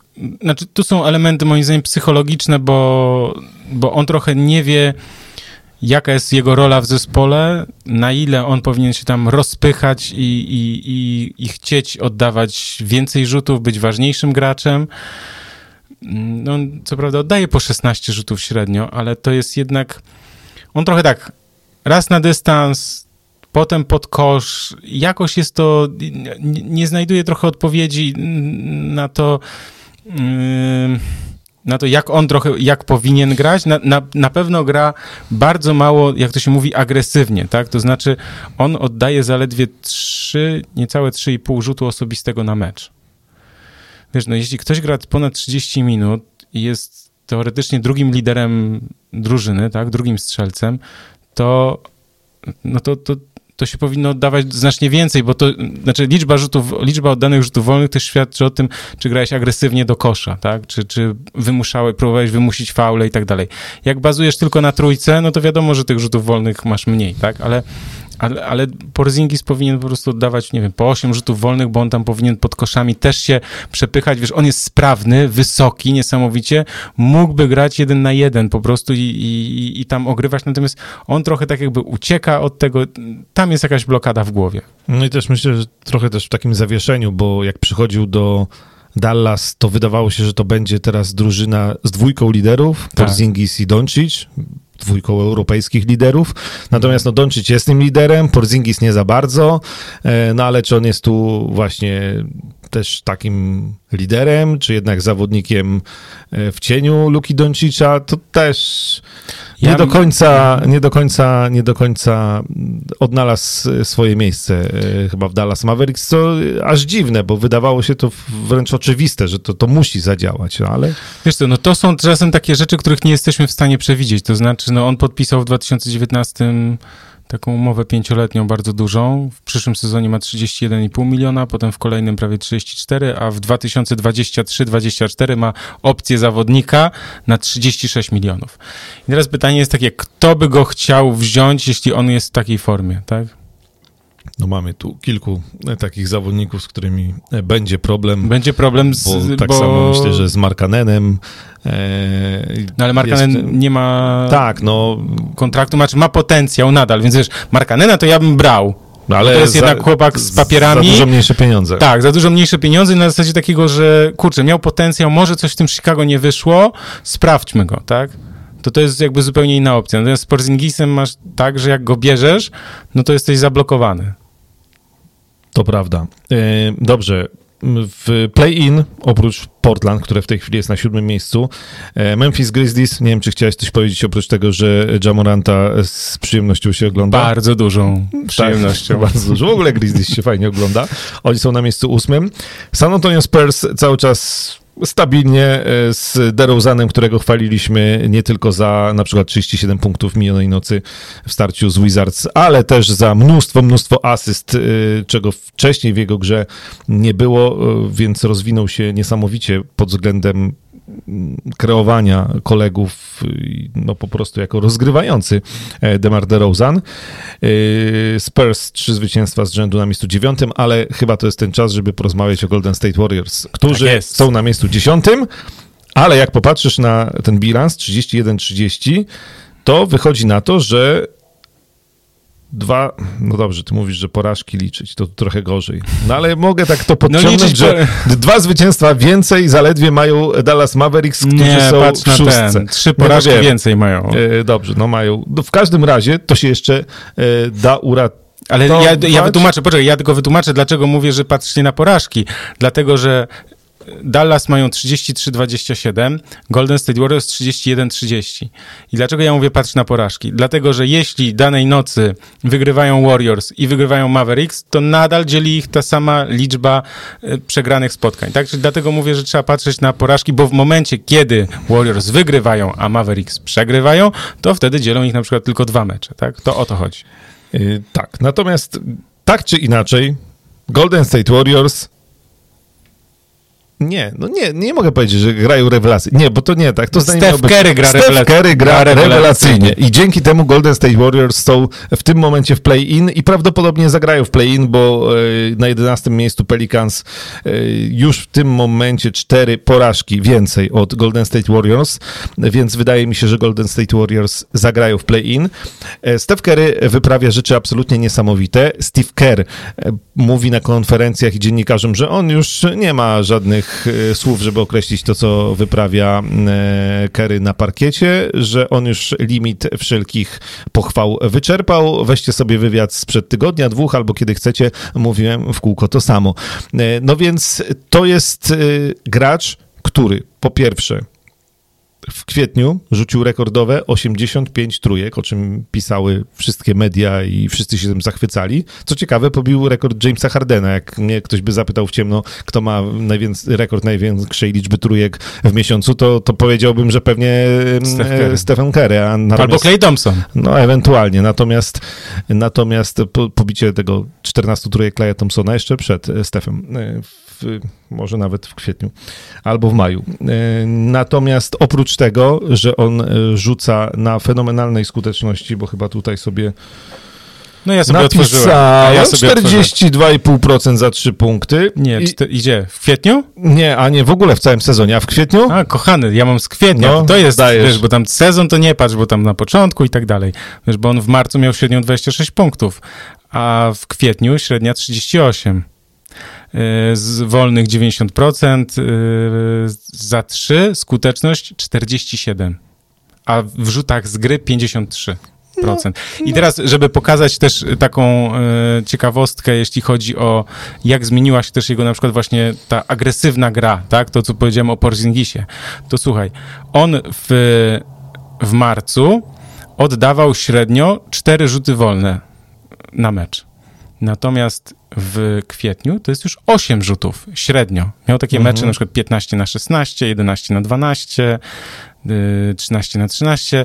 Chodzi mi o to, że rozgrywający a mimo to potrafi, wiesz, wymuszać rzuty, wymuszać faule w akcjach e, bliżej kosza, nie tylko, nie tylko przy rzutach z dystansu. Oczywiście przy rzutach z dystansu też się zdarza, ale no wiadomo, to jest Stephen Curry, on jest, e, nie wiem, czy można powiedzieć, że w życiowej formie, ale wrócił do tej wielkiej znaczy, formy. To jest taka forma, e, o której, bo pytają go to oczywiście dziennikarze, czy on liczy na to, że zostanie MVP sezonu. Mhm. On mówi, że tak naprawdę tego to nie interesuje. No doskonale zdaję sobie z tego sprawę, że e, dziesiąte miejsce Golden State Warriors jest gorsze niż czwarte miejsce Denver Nuggets i drugie na wschodzie Filadelfii, Tak. bo, no bo rozmawiamy o Joelu Embiidzie i o Nikoli Jokiczu jako o głównych faworytach do zdobycia e, statuetki MVP. Natomiast absolutnie, no trochę jak z Janisem, on gra na poziomie MVP. On gra swój najlepszy, absolutnie najlepszy basket. Steve Kerr też o nim mówi, że tak naprawdę tworzy nową pozycję, że trudno go nazwać rozgrywającym, trudno go nazwać rzucającym obrońcą, bo on jest, no możemy powiedzieć, że combo, no bo to wiemy, natomiast to jest takie trochę wyjątkowe combo, bym powiedział i rzeczywiście nikt inny tak nie gra. Nie róbcie tego w domu, nie róbcie tego e, na parkietach, Tak. znaczy nie możecie grać tak jak e, e, Steph Curry, bo nikt tak nie potrafi grać. To jest, To jest też wiesz, to, to, że dzieciaki też próbują tak, Tak. robić takie rzeczy, to potem nie rzucajcie mm, z dziewiątego w metra. taki sposób i z dziewiątego metra i w e, Trzeciej w sekundzie. jakiejś dziwnej, e, w dziwnych sytuacjach, e, bo wy nie traficie do kosza, a Steph Curry trafi. I to jest coś absolutnie niesamowitego. Ja pamiętam, jak byłem w 2014 roku w Berlinie, e, przyjechało San Antonio Spurs, wtedy mistrzowie NBA, Mhm. aktualni, właśnie zaczynali przygotowania, jeszcze byli trochę e, zardzewiali. No to E, zawsze grali z Albą Berlin i przegrali jednym punktem po rzucie w ostatniej sekundzie z Albą, przy tam pełnej publice w- Berlinie, 20 tysiącach ludzi. E, Ale mniejsza z tym. Miałem okazję wtedy chwilę pogadać z Becky Hammond. I ja się, ja bo wtedy, znaczy ja generalnie bardzo lubię e, Tonego Parkera i ogólnie też się jarałem Tonym Parkerem i wtedy też, oni jeszcze jako mistrzowie i w ogóle fajnie. I e, pytanie z tezą było, jaki jest jej zdaniem rozgrywający, najlepszy rozgrywający w NBA. No i byłem przekonany, że ona powie, że Tony Parker, natomiast ona pierwszego wymieniła Stefa Kerego. Wtedy, w 2014 roku. To jeszcze nie było takie oczywiste, E, więc, e, więc to pokazuje, jak ten zawodnik jest i niesamowity, i z drugiej strony, jak jest szanowany e, w tej lidze. I to, co, o czym my też mówimy, co jest być może najważniejsze. Dzięki niemu drużyna wygrywa, dzięki niemu zawodnicy inni są lepsi. Było tu pytanie o Wigginsa, którego my krytykowaliśmy wiele razy. Oczywiście, że Wiggins zrobił postępy przede wszystkim w obronie. To nie jest tak, że nie. Natomiast do wciąż, yy, do tego, jaki potencjał miał ten chłopak i co się wydawało, także mi, bo ja myślałem, że Wiggins naprawdę będzie graczem wielkoformatowym, no to jeszcze jest daleko. Wiggins ma przebłyski. Lepiej broni, ma prze, przebłyski wielkich meczów. co, tak, ale to jest też, Ale to, to jest trochę syndrom Michaela Jordana, czyli jak masz obok siebie kogoś, kto jest po prostu prze, ultra, mega kozakiem, to ty też jesteś lepszy. Ja to wiem po sobie. no to Bardzo, dużo łatwiej, dużo, dużo, dużo, dużo łatwiej się gra, kiedy masz w drużynie kogoś, kto jest naprawdę bardzo, bardzo, bardzo dobry. No więc y, Wiggins też jest lepszy w Golden State Warriors, y, bo Steph Curry gra tak, że chyba się nawet tego nie spodziewaliśmy, ale co ciekawe, bo ty nie przepadasz za Draymondem Greenem, Nie a, a Steph Curry powiedział, że to jest najinteligentniejszy zawodnik, z jakim kiedykolwiek grał. To było po tym meczu, w którym e, Green zdobył co prawda tylko dwa punkty, ale zaliczył 19 asyst, tak? 12 zbiórek i 19 asyst. E, I Draymond Green w takiej formie przy Stefie, jak w sezonach mistrzowskich, Mhm. i w miarę sensowny Andrew Wiggins, to na play-in na pewno wystarczy. Natomiast też ciekawie zapowiadają się, jeśli już Golden State Warriors wejdą do playoffów, to ciekawie zapowiadają się te playoffy, bo na kogo oni by nie trafili, to tak, Tak. naprawdę nikt nie chce na nich trafić. To bo jak trafisz świetne. na dzień, w którym e, Stefowi będzie wszystko się działo, to ty nie wygrasz tego meczu.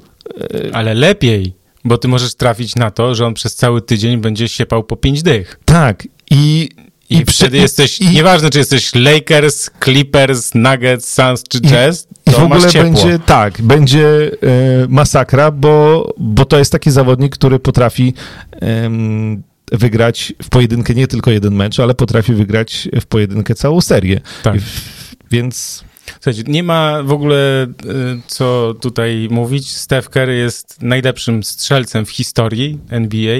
To ja to mówię z pełną odpowiedzialnością.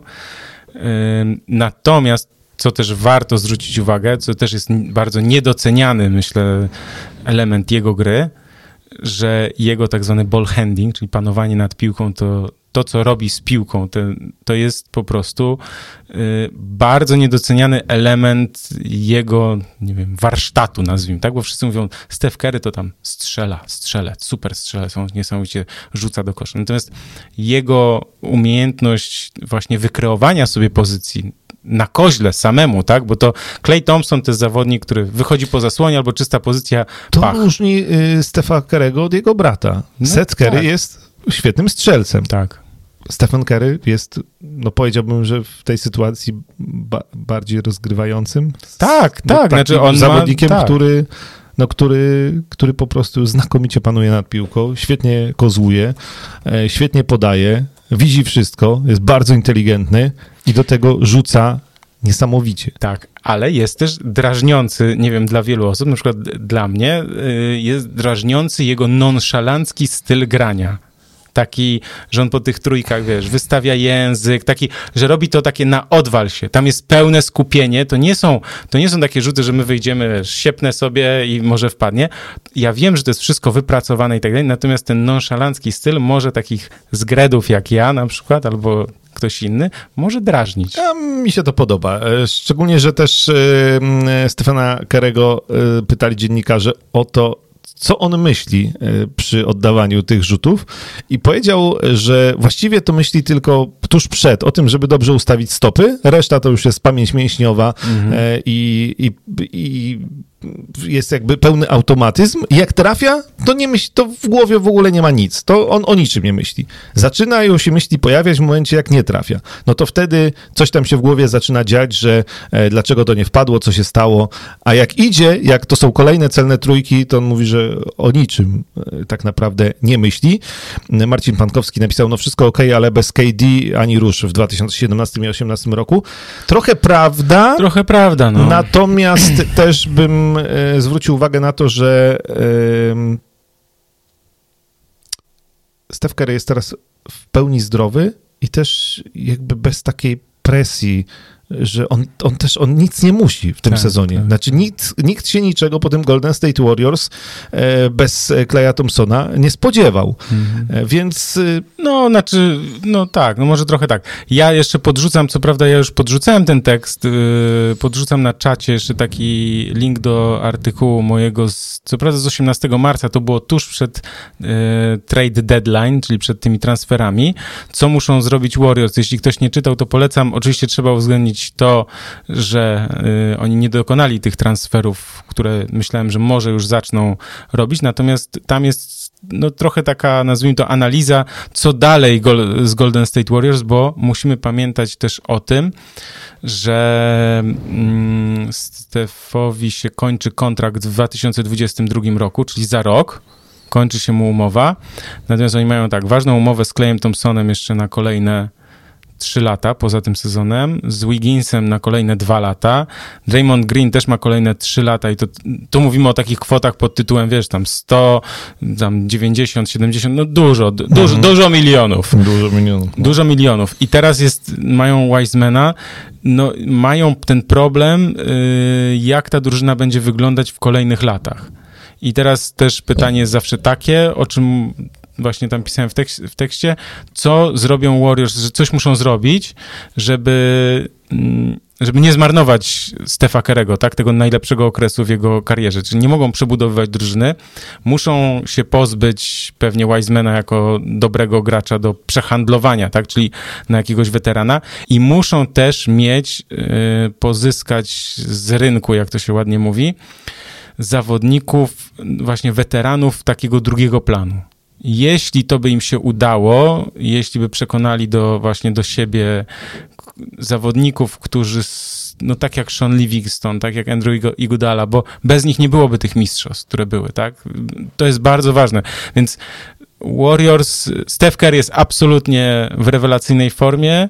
Y, MVP to zaraz powiem jeszcze o MVP za sekundę. Natomiast ta przyszłość Warriors stoi pod znakiem zapytania, bo to jest pytanie, co oni zrobią, jak ten zespół przebudują, czy będą w stanie zbudować ponownie drużynę walczącą o mistrzostwo, bo z samym Kerem i Greenem i Klejem Thompsonem, który wraca po dwóch latach, mm.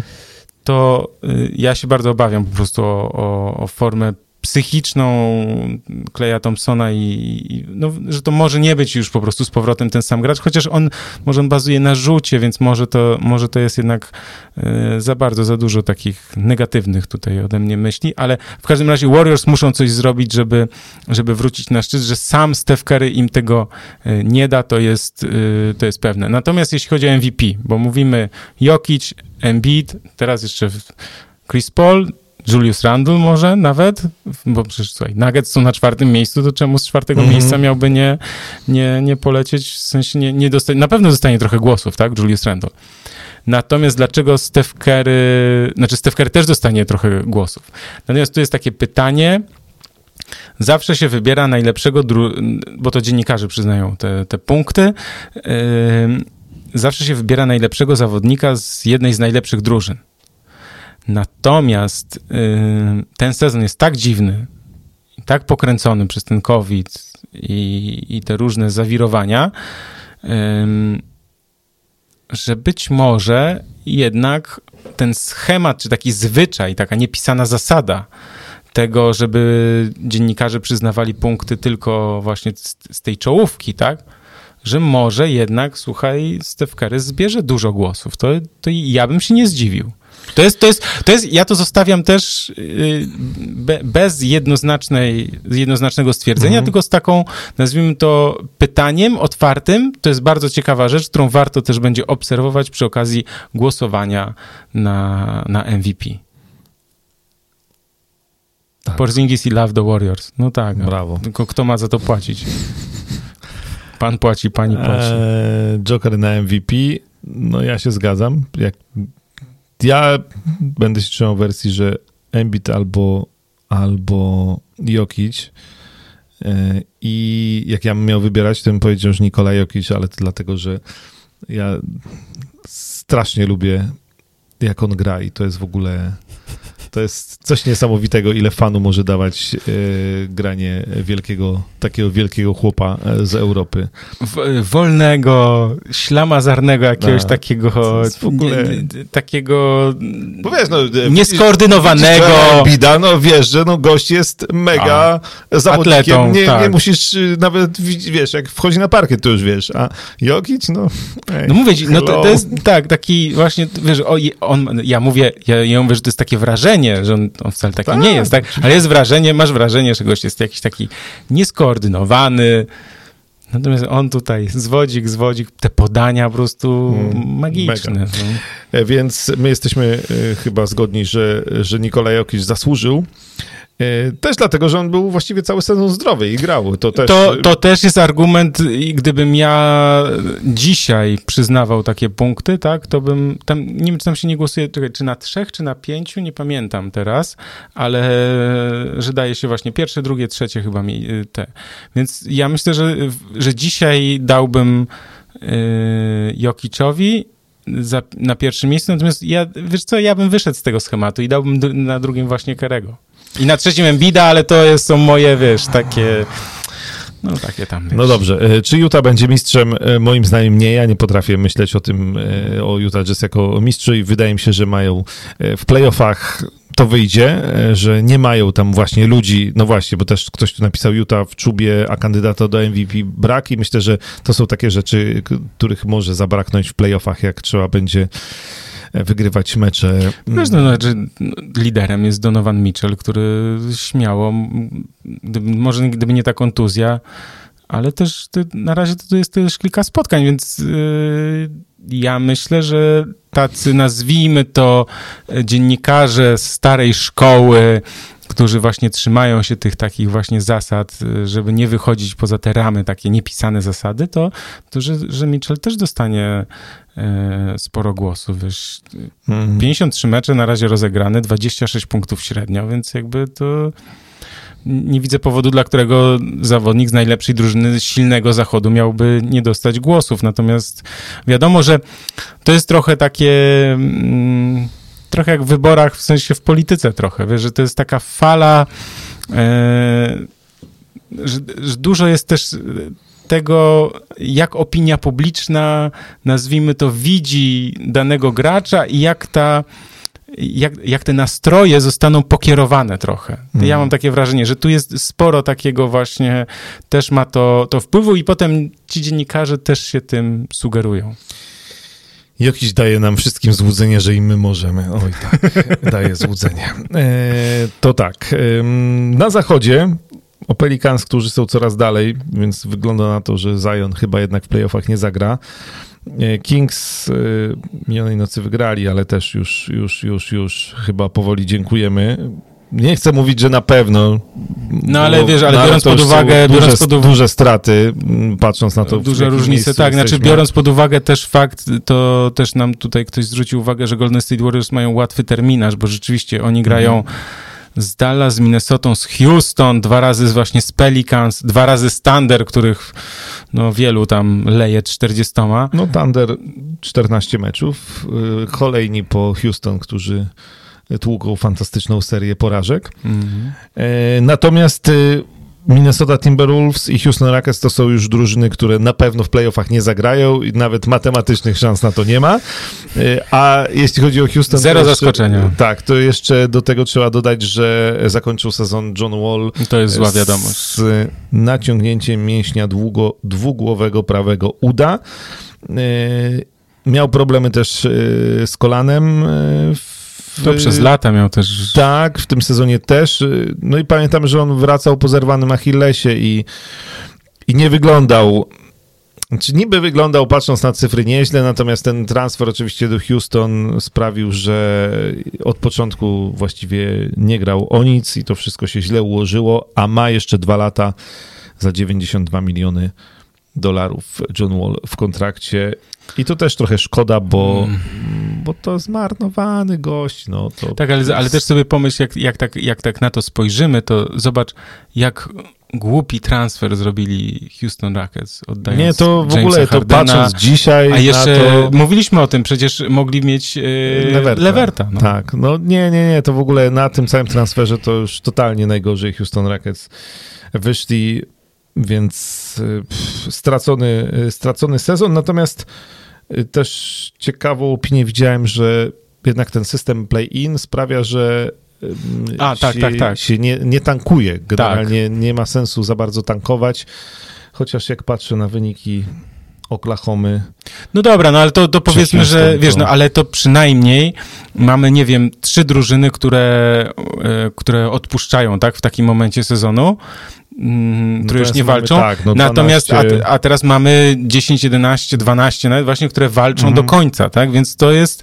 mm, i myślę, bo to też mam właśnie jako jeden z takich podpunktów do, do dyskusji, to czy ten turniej play-in powinien zostać na stałe, twoim zdaniem? Ja myślę, że zostanie. A czy powinien? Wiesz co, pod tym względem mnie, trochę bawiło to, że e, Luka Doncic i, mm, e, i Mark Cuban krytykowali, chociaż wcześniej to jednogłośnie przeszło, więc Mark Cuban głosował za tym, żeby play-in było. E, No a teraz ostatnio krytykowali jeszcze w momencie, jak byli poza szóstką, gdzieś tam na siódmym, ósmym miejscu, że po co to, że jak cały sezon się gra i jest się na ósmym miejscu, to powinno się grać w playoffach, a nie jakieś play-iny grać, nie? Więc to trochę, trochę zabawne.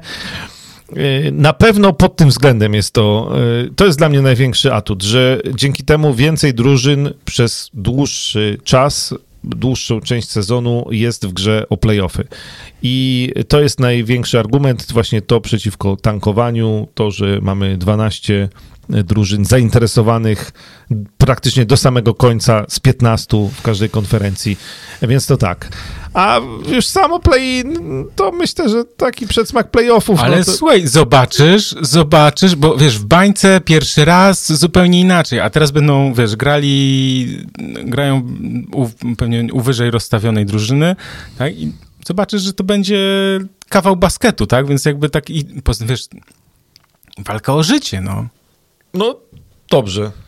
Ja jestem jak najbardziej na tak, te argumenty, które podałeś są jak najbardziej przekonywujące. Okej, ale myślę, że play-in w ogóle zostaną. E, Generalnie Tak, na, na dłużej z nami. Tak, a ja pytałem, czy powinny zostać. No to niech będzie, że powinny zostać, no już. Krzysiek, naprawdę. Powinny. Jakbym był właścicielem klubu NBA i miałbym głosować, to bym zagłosował, że powinny zostać. Okej. Okay. No nie, to cieszę się bardzo.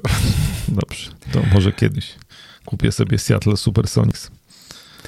Y, podrzucam ciekawą informację jako ciekawostkę o y, nowej kolekcji butów Converse, bo też Converse y, kiedyś, kiedyś, dawno temu było, grało się w Conversach. To jeszcze... Wybierz swoją broń.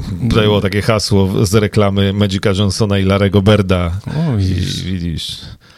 Tak, no i konwersy do wyboru jedne i drugie. Tak, a kiedyś, a kiedyś się grało tylko w konwersach, jeszcze jak to jeszcze przed naszymi czasami. Tak. To się grało tylko w konwersach, a teraz konwers wrócił. E... A ja jeszcze pamiętam, już za tych były konwersy. Nie, tak, były, były cały czas, tylko chodzi mi o to, że one też wróciły tak z taką, e... potem poszli w lifestyle, a teraz wrócili tak jakby z, z większą siłą, nazwijmy to promowaniem się też wokół koszykówki, wokół NP. To nadal oczywiście jest e, większa, większy nacisk na lifestyle, ale też mają gry, buty do kosza i, i też jest kilku zawodników, którzy właśnie w konwersach e, występują. A ja chciałem powiedzieć, że wiem, że ty masz kolekcję kart. Mam, owszem. A nie masz czasem Lebrona z debiutanckiego sezonu z autografem i kawałkiem koszulki? Wiesz Limitowana co? wersja 23 e, Ja kart? zbierałem karty do 2000 do 2000, no coś takiego, że tak jakby zakończyłem już kupowanie, nazwijmy to, tych, tych, że więc jak LeBron przyszedł, mam, mam na przykład Kobiego Bryanta, takiego, co tam jest wyceniany niby na 600 czy 800 dolarów, także jak będę miał podbramkową sytuację, to wtedy go wystawię na Słuchaj, aukcję. ten LeBron y, w limitowanej wersji, bo 23 takie karty wyszły, właśnie wow. jedna z nich sprzedała się za 5 milionów 200 tysięcy dolarów. Hmm. Wiesz, to jest trudne w, w, kartach, bo ja mam takiego e, serdecznego mojego przyjaciela e, Witka, który mieszka na co dzień we Francji i my się znamy jeszcze ze szkoły podstawowej i razem żeśmy w ogóle też tam wymieniali, zbierali i tak dalej. E, I on ostatnio mnie e, no, tchnął trochę do tego, żeby posprawdzać właśnie te rzeczy. Ja chyba zresztą o tym mówiłem jakoś mhm. ostatnio, tak. I, i, i właśnie no... E, problem jest taki z kartami, że strasznie dużo bo ja mam bardzo dużo, w sensie jakby tu położyć klasery, to dotąd, tak? Mhm. E, takie segregatory, gdzie każda tam kartka foliowa to jest, wiesz, 9 kart, tak? Więc jakby no, tyle, no, co najmniej. No i e, to jest parę tysięcy jak nic. Nie wiem ile, czy 8, czy nie wiem, nieważne. W każdym razie e, jest też niestety problem taki, że mnóstwo tych kart jest nic nie warta. Zwłaszcza jeszcze jak masz te takie wersję europejską, to już w ogóle to jest, mm -hmm. to możesz z tym sobie ścianę obłożyć, co najwyżej jak jesteś fanem, ale ja mam dużo z am amerykańskich i ym, no tak szukałem, szukałem takich na, najlepszych yy, i rzeczywiście karty debiutanckie są, znaczy ja się nie załapałem jeszcze na ten moment, kiedy były, bo to Marcin Gorta też opowiadał właśnie, że te karty z, z, z kawałkiem koszulki, z logotypem, z podpisem i tak dalej, no ja, ja to już nie były te moje czasy, już byłem za duży. Hmm, to e, trochę szkoda. Ale wiesz, to, to jest też pytanie takie, bo może warto zainwestować teraz w jakiegoś debiutanta, kupić taką kartę za teraz, 100 dolarów na przykład. Teraz to NBA Top Shot i kupujesz klipy. No bitcoiny takie, NBA Bitcoin, tak? No trochę, klipy, trochę takie... Ta, klipy wideo z akcjami poszczególnych zawodników na platformie Top Shot i, I to też ceny, bo to są limitowane ceny.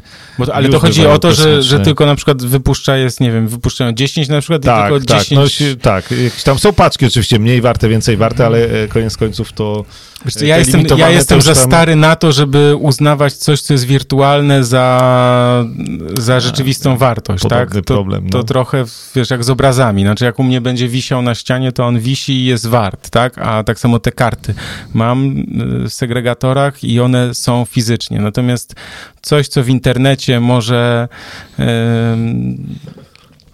Może zniknąć tak naprawdę, jak internet się wyłączy, to trochę żartuję, ale no, to trochę jak z no, bitcoinami, no spekulacja my, trochę. My stare dziody jesteśmy, nie czajmy mm. takich, takich rzeczy.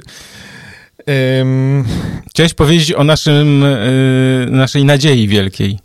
Olek Balcerowski zgłosił się do draftu. Tak. To będzie 75. draft w historii NBA, taki ładna liczba w hali Brooklyn Nets, a więc Barclays Center na Brooklynie.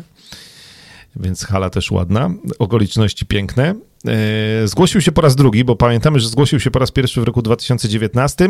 Wycofał się wtedy z draftu. Drugi raz już e, takiego manewru popełnić nie może. Mhm. E, jest, bo dlaczego ja się wymądrzam? Bo ja wcale jakoś specjalnie, przyznam szczerze, nie śledziłem tego sezonu Olka Balcerowskiego. Natomiast mam kolegę, Radek Spiak się nazywa. Pozdrawiamy serdecznie. Radek jest chyba najlepszym specjalistą od Ligi Hiszpańskiej w tym kraju. I świetnym komentatorem. Tak, i komentuje w Sportklubie.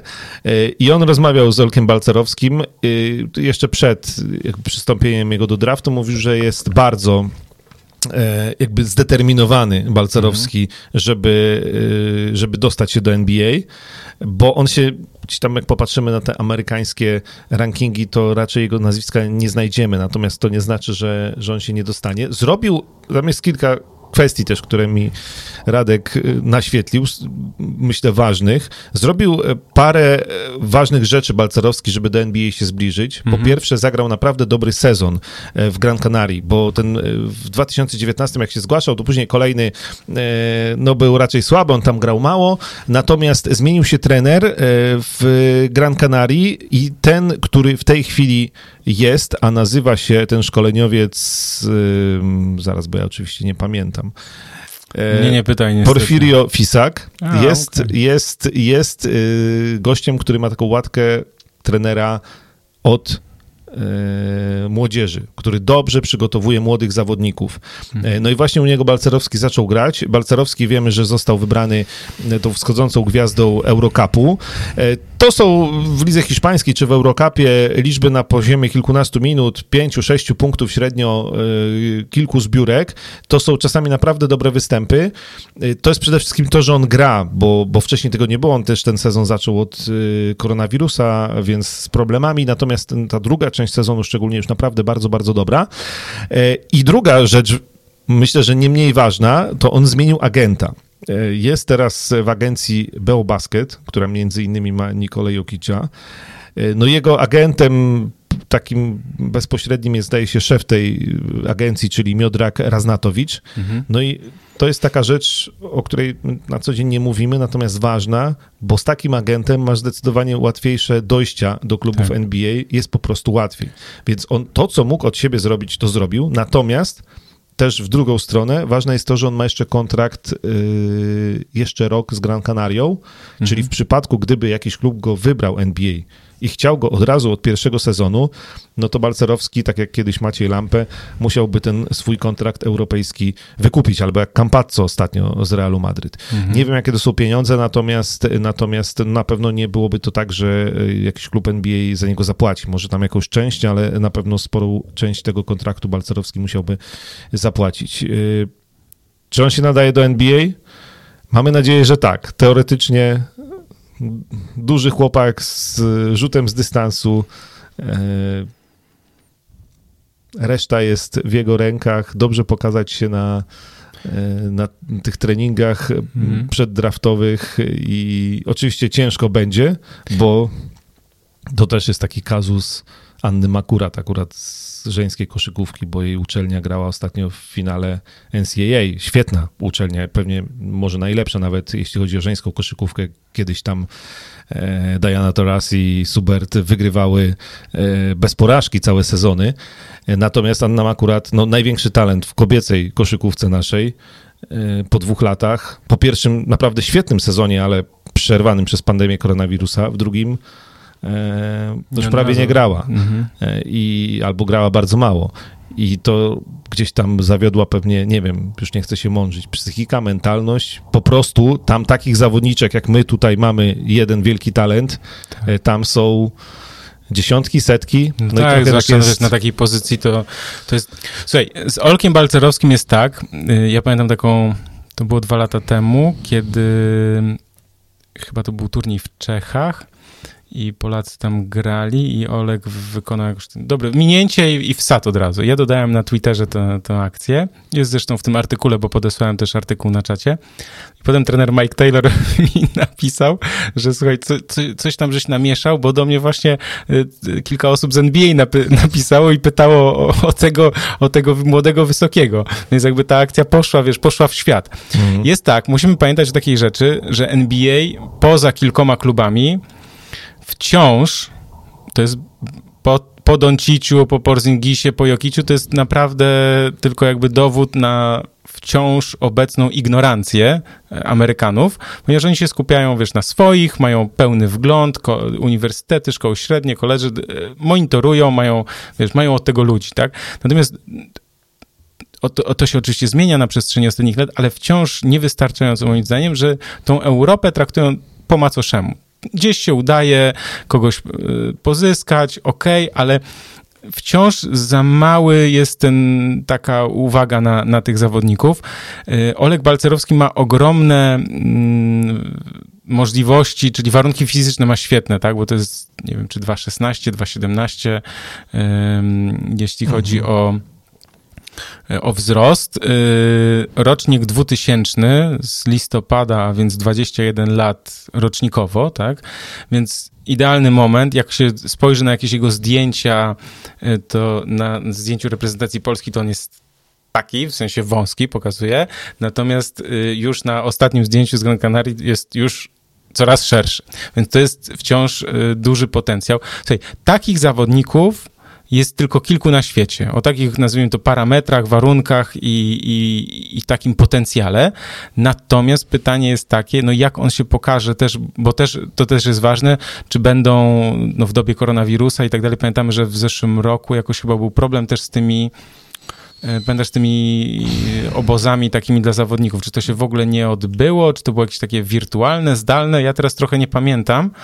Na że, pewno były problem, nie wiem. Że było jakieś ograniczenia, duże ograniczenia było. Nie, ja nie wiem, czy to nie było właśnie jakoś tam robione. Yy, wiesz, że chodzi mi o to, że dlaczego to mówię, że może być tak, że on tam pojedzie i zaprezentuje się kilku drużynom i kilka osób, wiesz, ty, daj mi parę meczów tego gościa, nie? I oni spojrzą na, na jego zachowanie, na jego, wiesz, on ma, bo to nie jest tylko wielki chłop.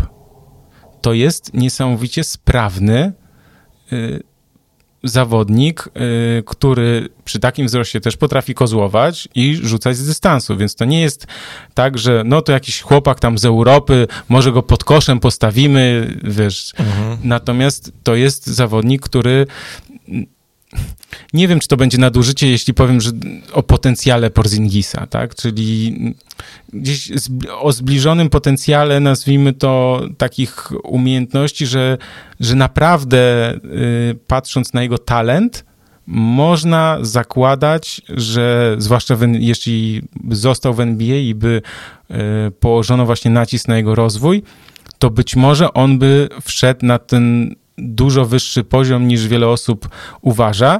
Oczywiście musimy pamiętać też, że nie wiem, Markanen, który też nam się wydawało, że będzie dużo lepszy, gdzieś to NBA y, tam na razie się przyblokował.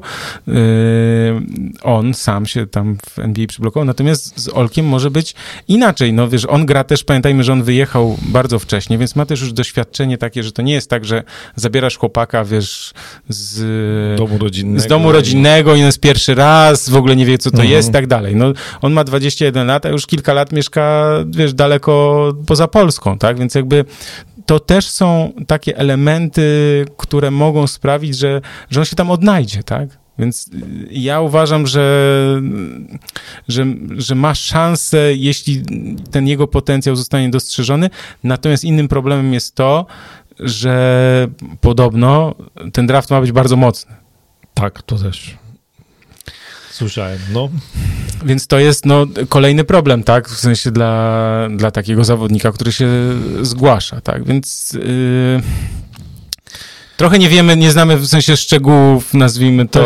Znaczy, nie, inaczej, ja nie mam porównania, tak? W sensie to jest trudne, że nie mam porównania, no bo śledzenie NBA, y, praca. Je- tak, jest, jest, już. jest bardzo trudne w sensie, żeby mieć taką, żeby mieć porównanie, tak? Bo to, że on ma potencjał, że naprawdę moim zdaniem ma papiery nagrania w NBA, to jest jedna rzecz, a druga rzecz jest taka, czy jaka jest ta konkurencja, tak? Więc to jest, to jest taka rzecz, no myślę, tutaj najważniejsza. Tak czy inaczej, trzymamy kciuki 29 lipca.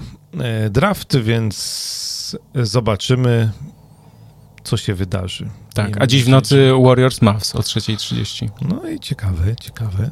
Kelly Doncic. Mm, a jakby ma Golden State Warriors wygrali, czekaj, wrócę tu na kartkę z tabelą, to by mieli 32 zwycięstwa, a Mavs 33 i no to, to widzisz, to by na pewno, to by zrobili kroczek spory. E, oczywiście tu jeszcze po drodze są cały czas Portland, Memphis i San Antonio, więc to tak nie jest tak hop siup, natomiast No, przy tym dobrym terminarzu to jeszcze, jeszcze, żeby nas tu Stefan nie zaskoczył pierwszą szósteczką. No nie, to chyba aż tak. Chociaż, słuchaj, wszystko jest możliwe. No Jak dla mnie te, bo Lakers to już stąd nie wypadną, ale to szóste miejsce, to Dallas, to na razie jakbyś mnie zapytał Dallas, Portland, Memphis, San Antonio czy Golden State Warriors, to na ten moment to bym ci powiedział, że nie wiem. No, fachowa, widzę, analiza tutaj, kolega. Czyli każda, Przygotowany, każda, z tych drużyn, merytoryczny. każda z tych drużyn może jeszcze w tej szóstce e, zagrać. Dobra, y, tak, ponieważ już się zbliżamy do końca, y, ja mam ten temat zapisany i poruszymy go, ale już nie dzisiaj, bo to jest na co najmniej 10 minut gadki o tym, czy NBA powinna mieć 32 drużyny. To ja ci opowiem, o co chodzi. To za dwa tygodnie, no. Tak, natomiast takie pytania na szybko jeszcze sobie wynotowałem. Jak odbudować Houston Rockets i czy, czy to w ogóle jest możliwe w najbliższych sezonach? Pośrednio troszkę na to odpowiedzieliśmy. Czy miałbyś jakiś pomysł? Co zrobić z Johnem Wallem? Co zrobić z Johnem Wallem? No, znaczy To liczyć jest- na drafty, no. To jest ciężkie pytanie. To jest... Yy... Ja bym mógł odpowiedzieć na przykład o Oklahomie. A drugie pytanie jest takie, co zrobić z 34 pikami w drafcie? Dobrze wybierać i zostać mistrzem NBA. Ale nie możesz 30 zawodników wziąć. Mm, No to przynajmniej te pierwszorundowe dobrze trafiać.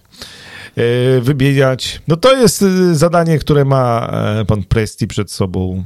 Mm, Ja myślę, że może być sporo chętnych. Tak, znaczy on, to- jest cwaniacki ruch, którego nikt wcześniej nie zrobił, ale wiesz, no nagle się okaże, że mnóstwo drużyn jest bez pików. E, tak, no, bo, bo też można no, zrobić coś, co powiedzmy robiła przez parę lat Filadelfia, czyli zbierać jedynki z draftów e, i liczyć na to, że wreszcie... Mi- Michael Porter Jr.? e, wreszcie Nie, nie Michael Porter Jr., przepraszam, tylko, Boże, jak się nazywał? Michael Williams, tak? Car- Carter Williams? Teraz, widzicie, miałem chwilę zawieszenia. No, ale Michael Carter Williams, tak. No taki zawodnik, nie pamiętasz? no był, no jest, chyba gra jeszcze. Tak, 11 numer w 2013. E, No dobrze, ale wiesz, no to Filadelfia jakoś tam zbierała, zbierała. No, a, bo wiem dlaczego o tym pamiętałem. Kurczę, widzisz, luki mam już, bo jak dwie godziny gadamy, to już mam luki w, w mózgu. Debiutant roku 2014, no. Dlatego chciałem tak. No i wreszcie Filadelfia jest blisko szczytu, przynajmniej. Zobaczymy, co z tego będzie. Natomiast, no tak, no opcja jest też taka, że można e, te piki w drafcie wymieniać i spróbować zbudować e, Zwłaszcza wiesz, że teraz gdzieś tam... dobrą drużynę. Tak, ale teraz próbują, y, wiesz, gdzieś tam ogrywać tych kilku zawodników, y, których, no, którzy, wiesz, zawsze tam ktoś y, zdoby, musi zdobywać punkty, tak? Jest Shai oczywiście, Gilgis Aleksander, ale to jest jakby, on to powiedzmy, że będzie tym filarem, natomiast ten Dort jest taki, Mhm. no, drugi LeBron, tylko troszkę bardziej w sensie taki, no, nie na, nie, tyl, nie na tyle elastyczny, nazwijmy to, ale też po prostu kawał, kawał byka, ale ym, no tam jest Aleksiej Pokuszewski jest, tak, że, że to jest gdzieś perspektywiczny zawodnik w Thunder, ale no oni nie, nie mają za bardzo y, zawodników, wokół których będą budować drużynę, więc myślę, że oni będą trust the process, tak? No nie wiem.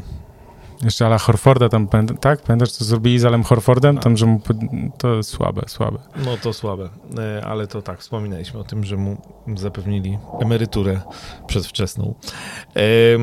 Natomiast e, myślę, że mimo wszystko Houston Rockets w tej chwili są w najgorszej sytuacji.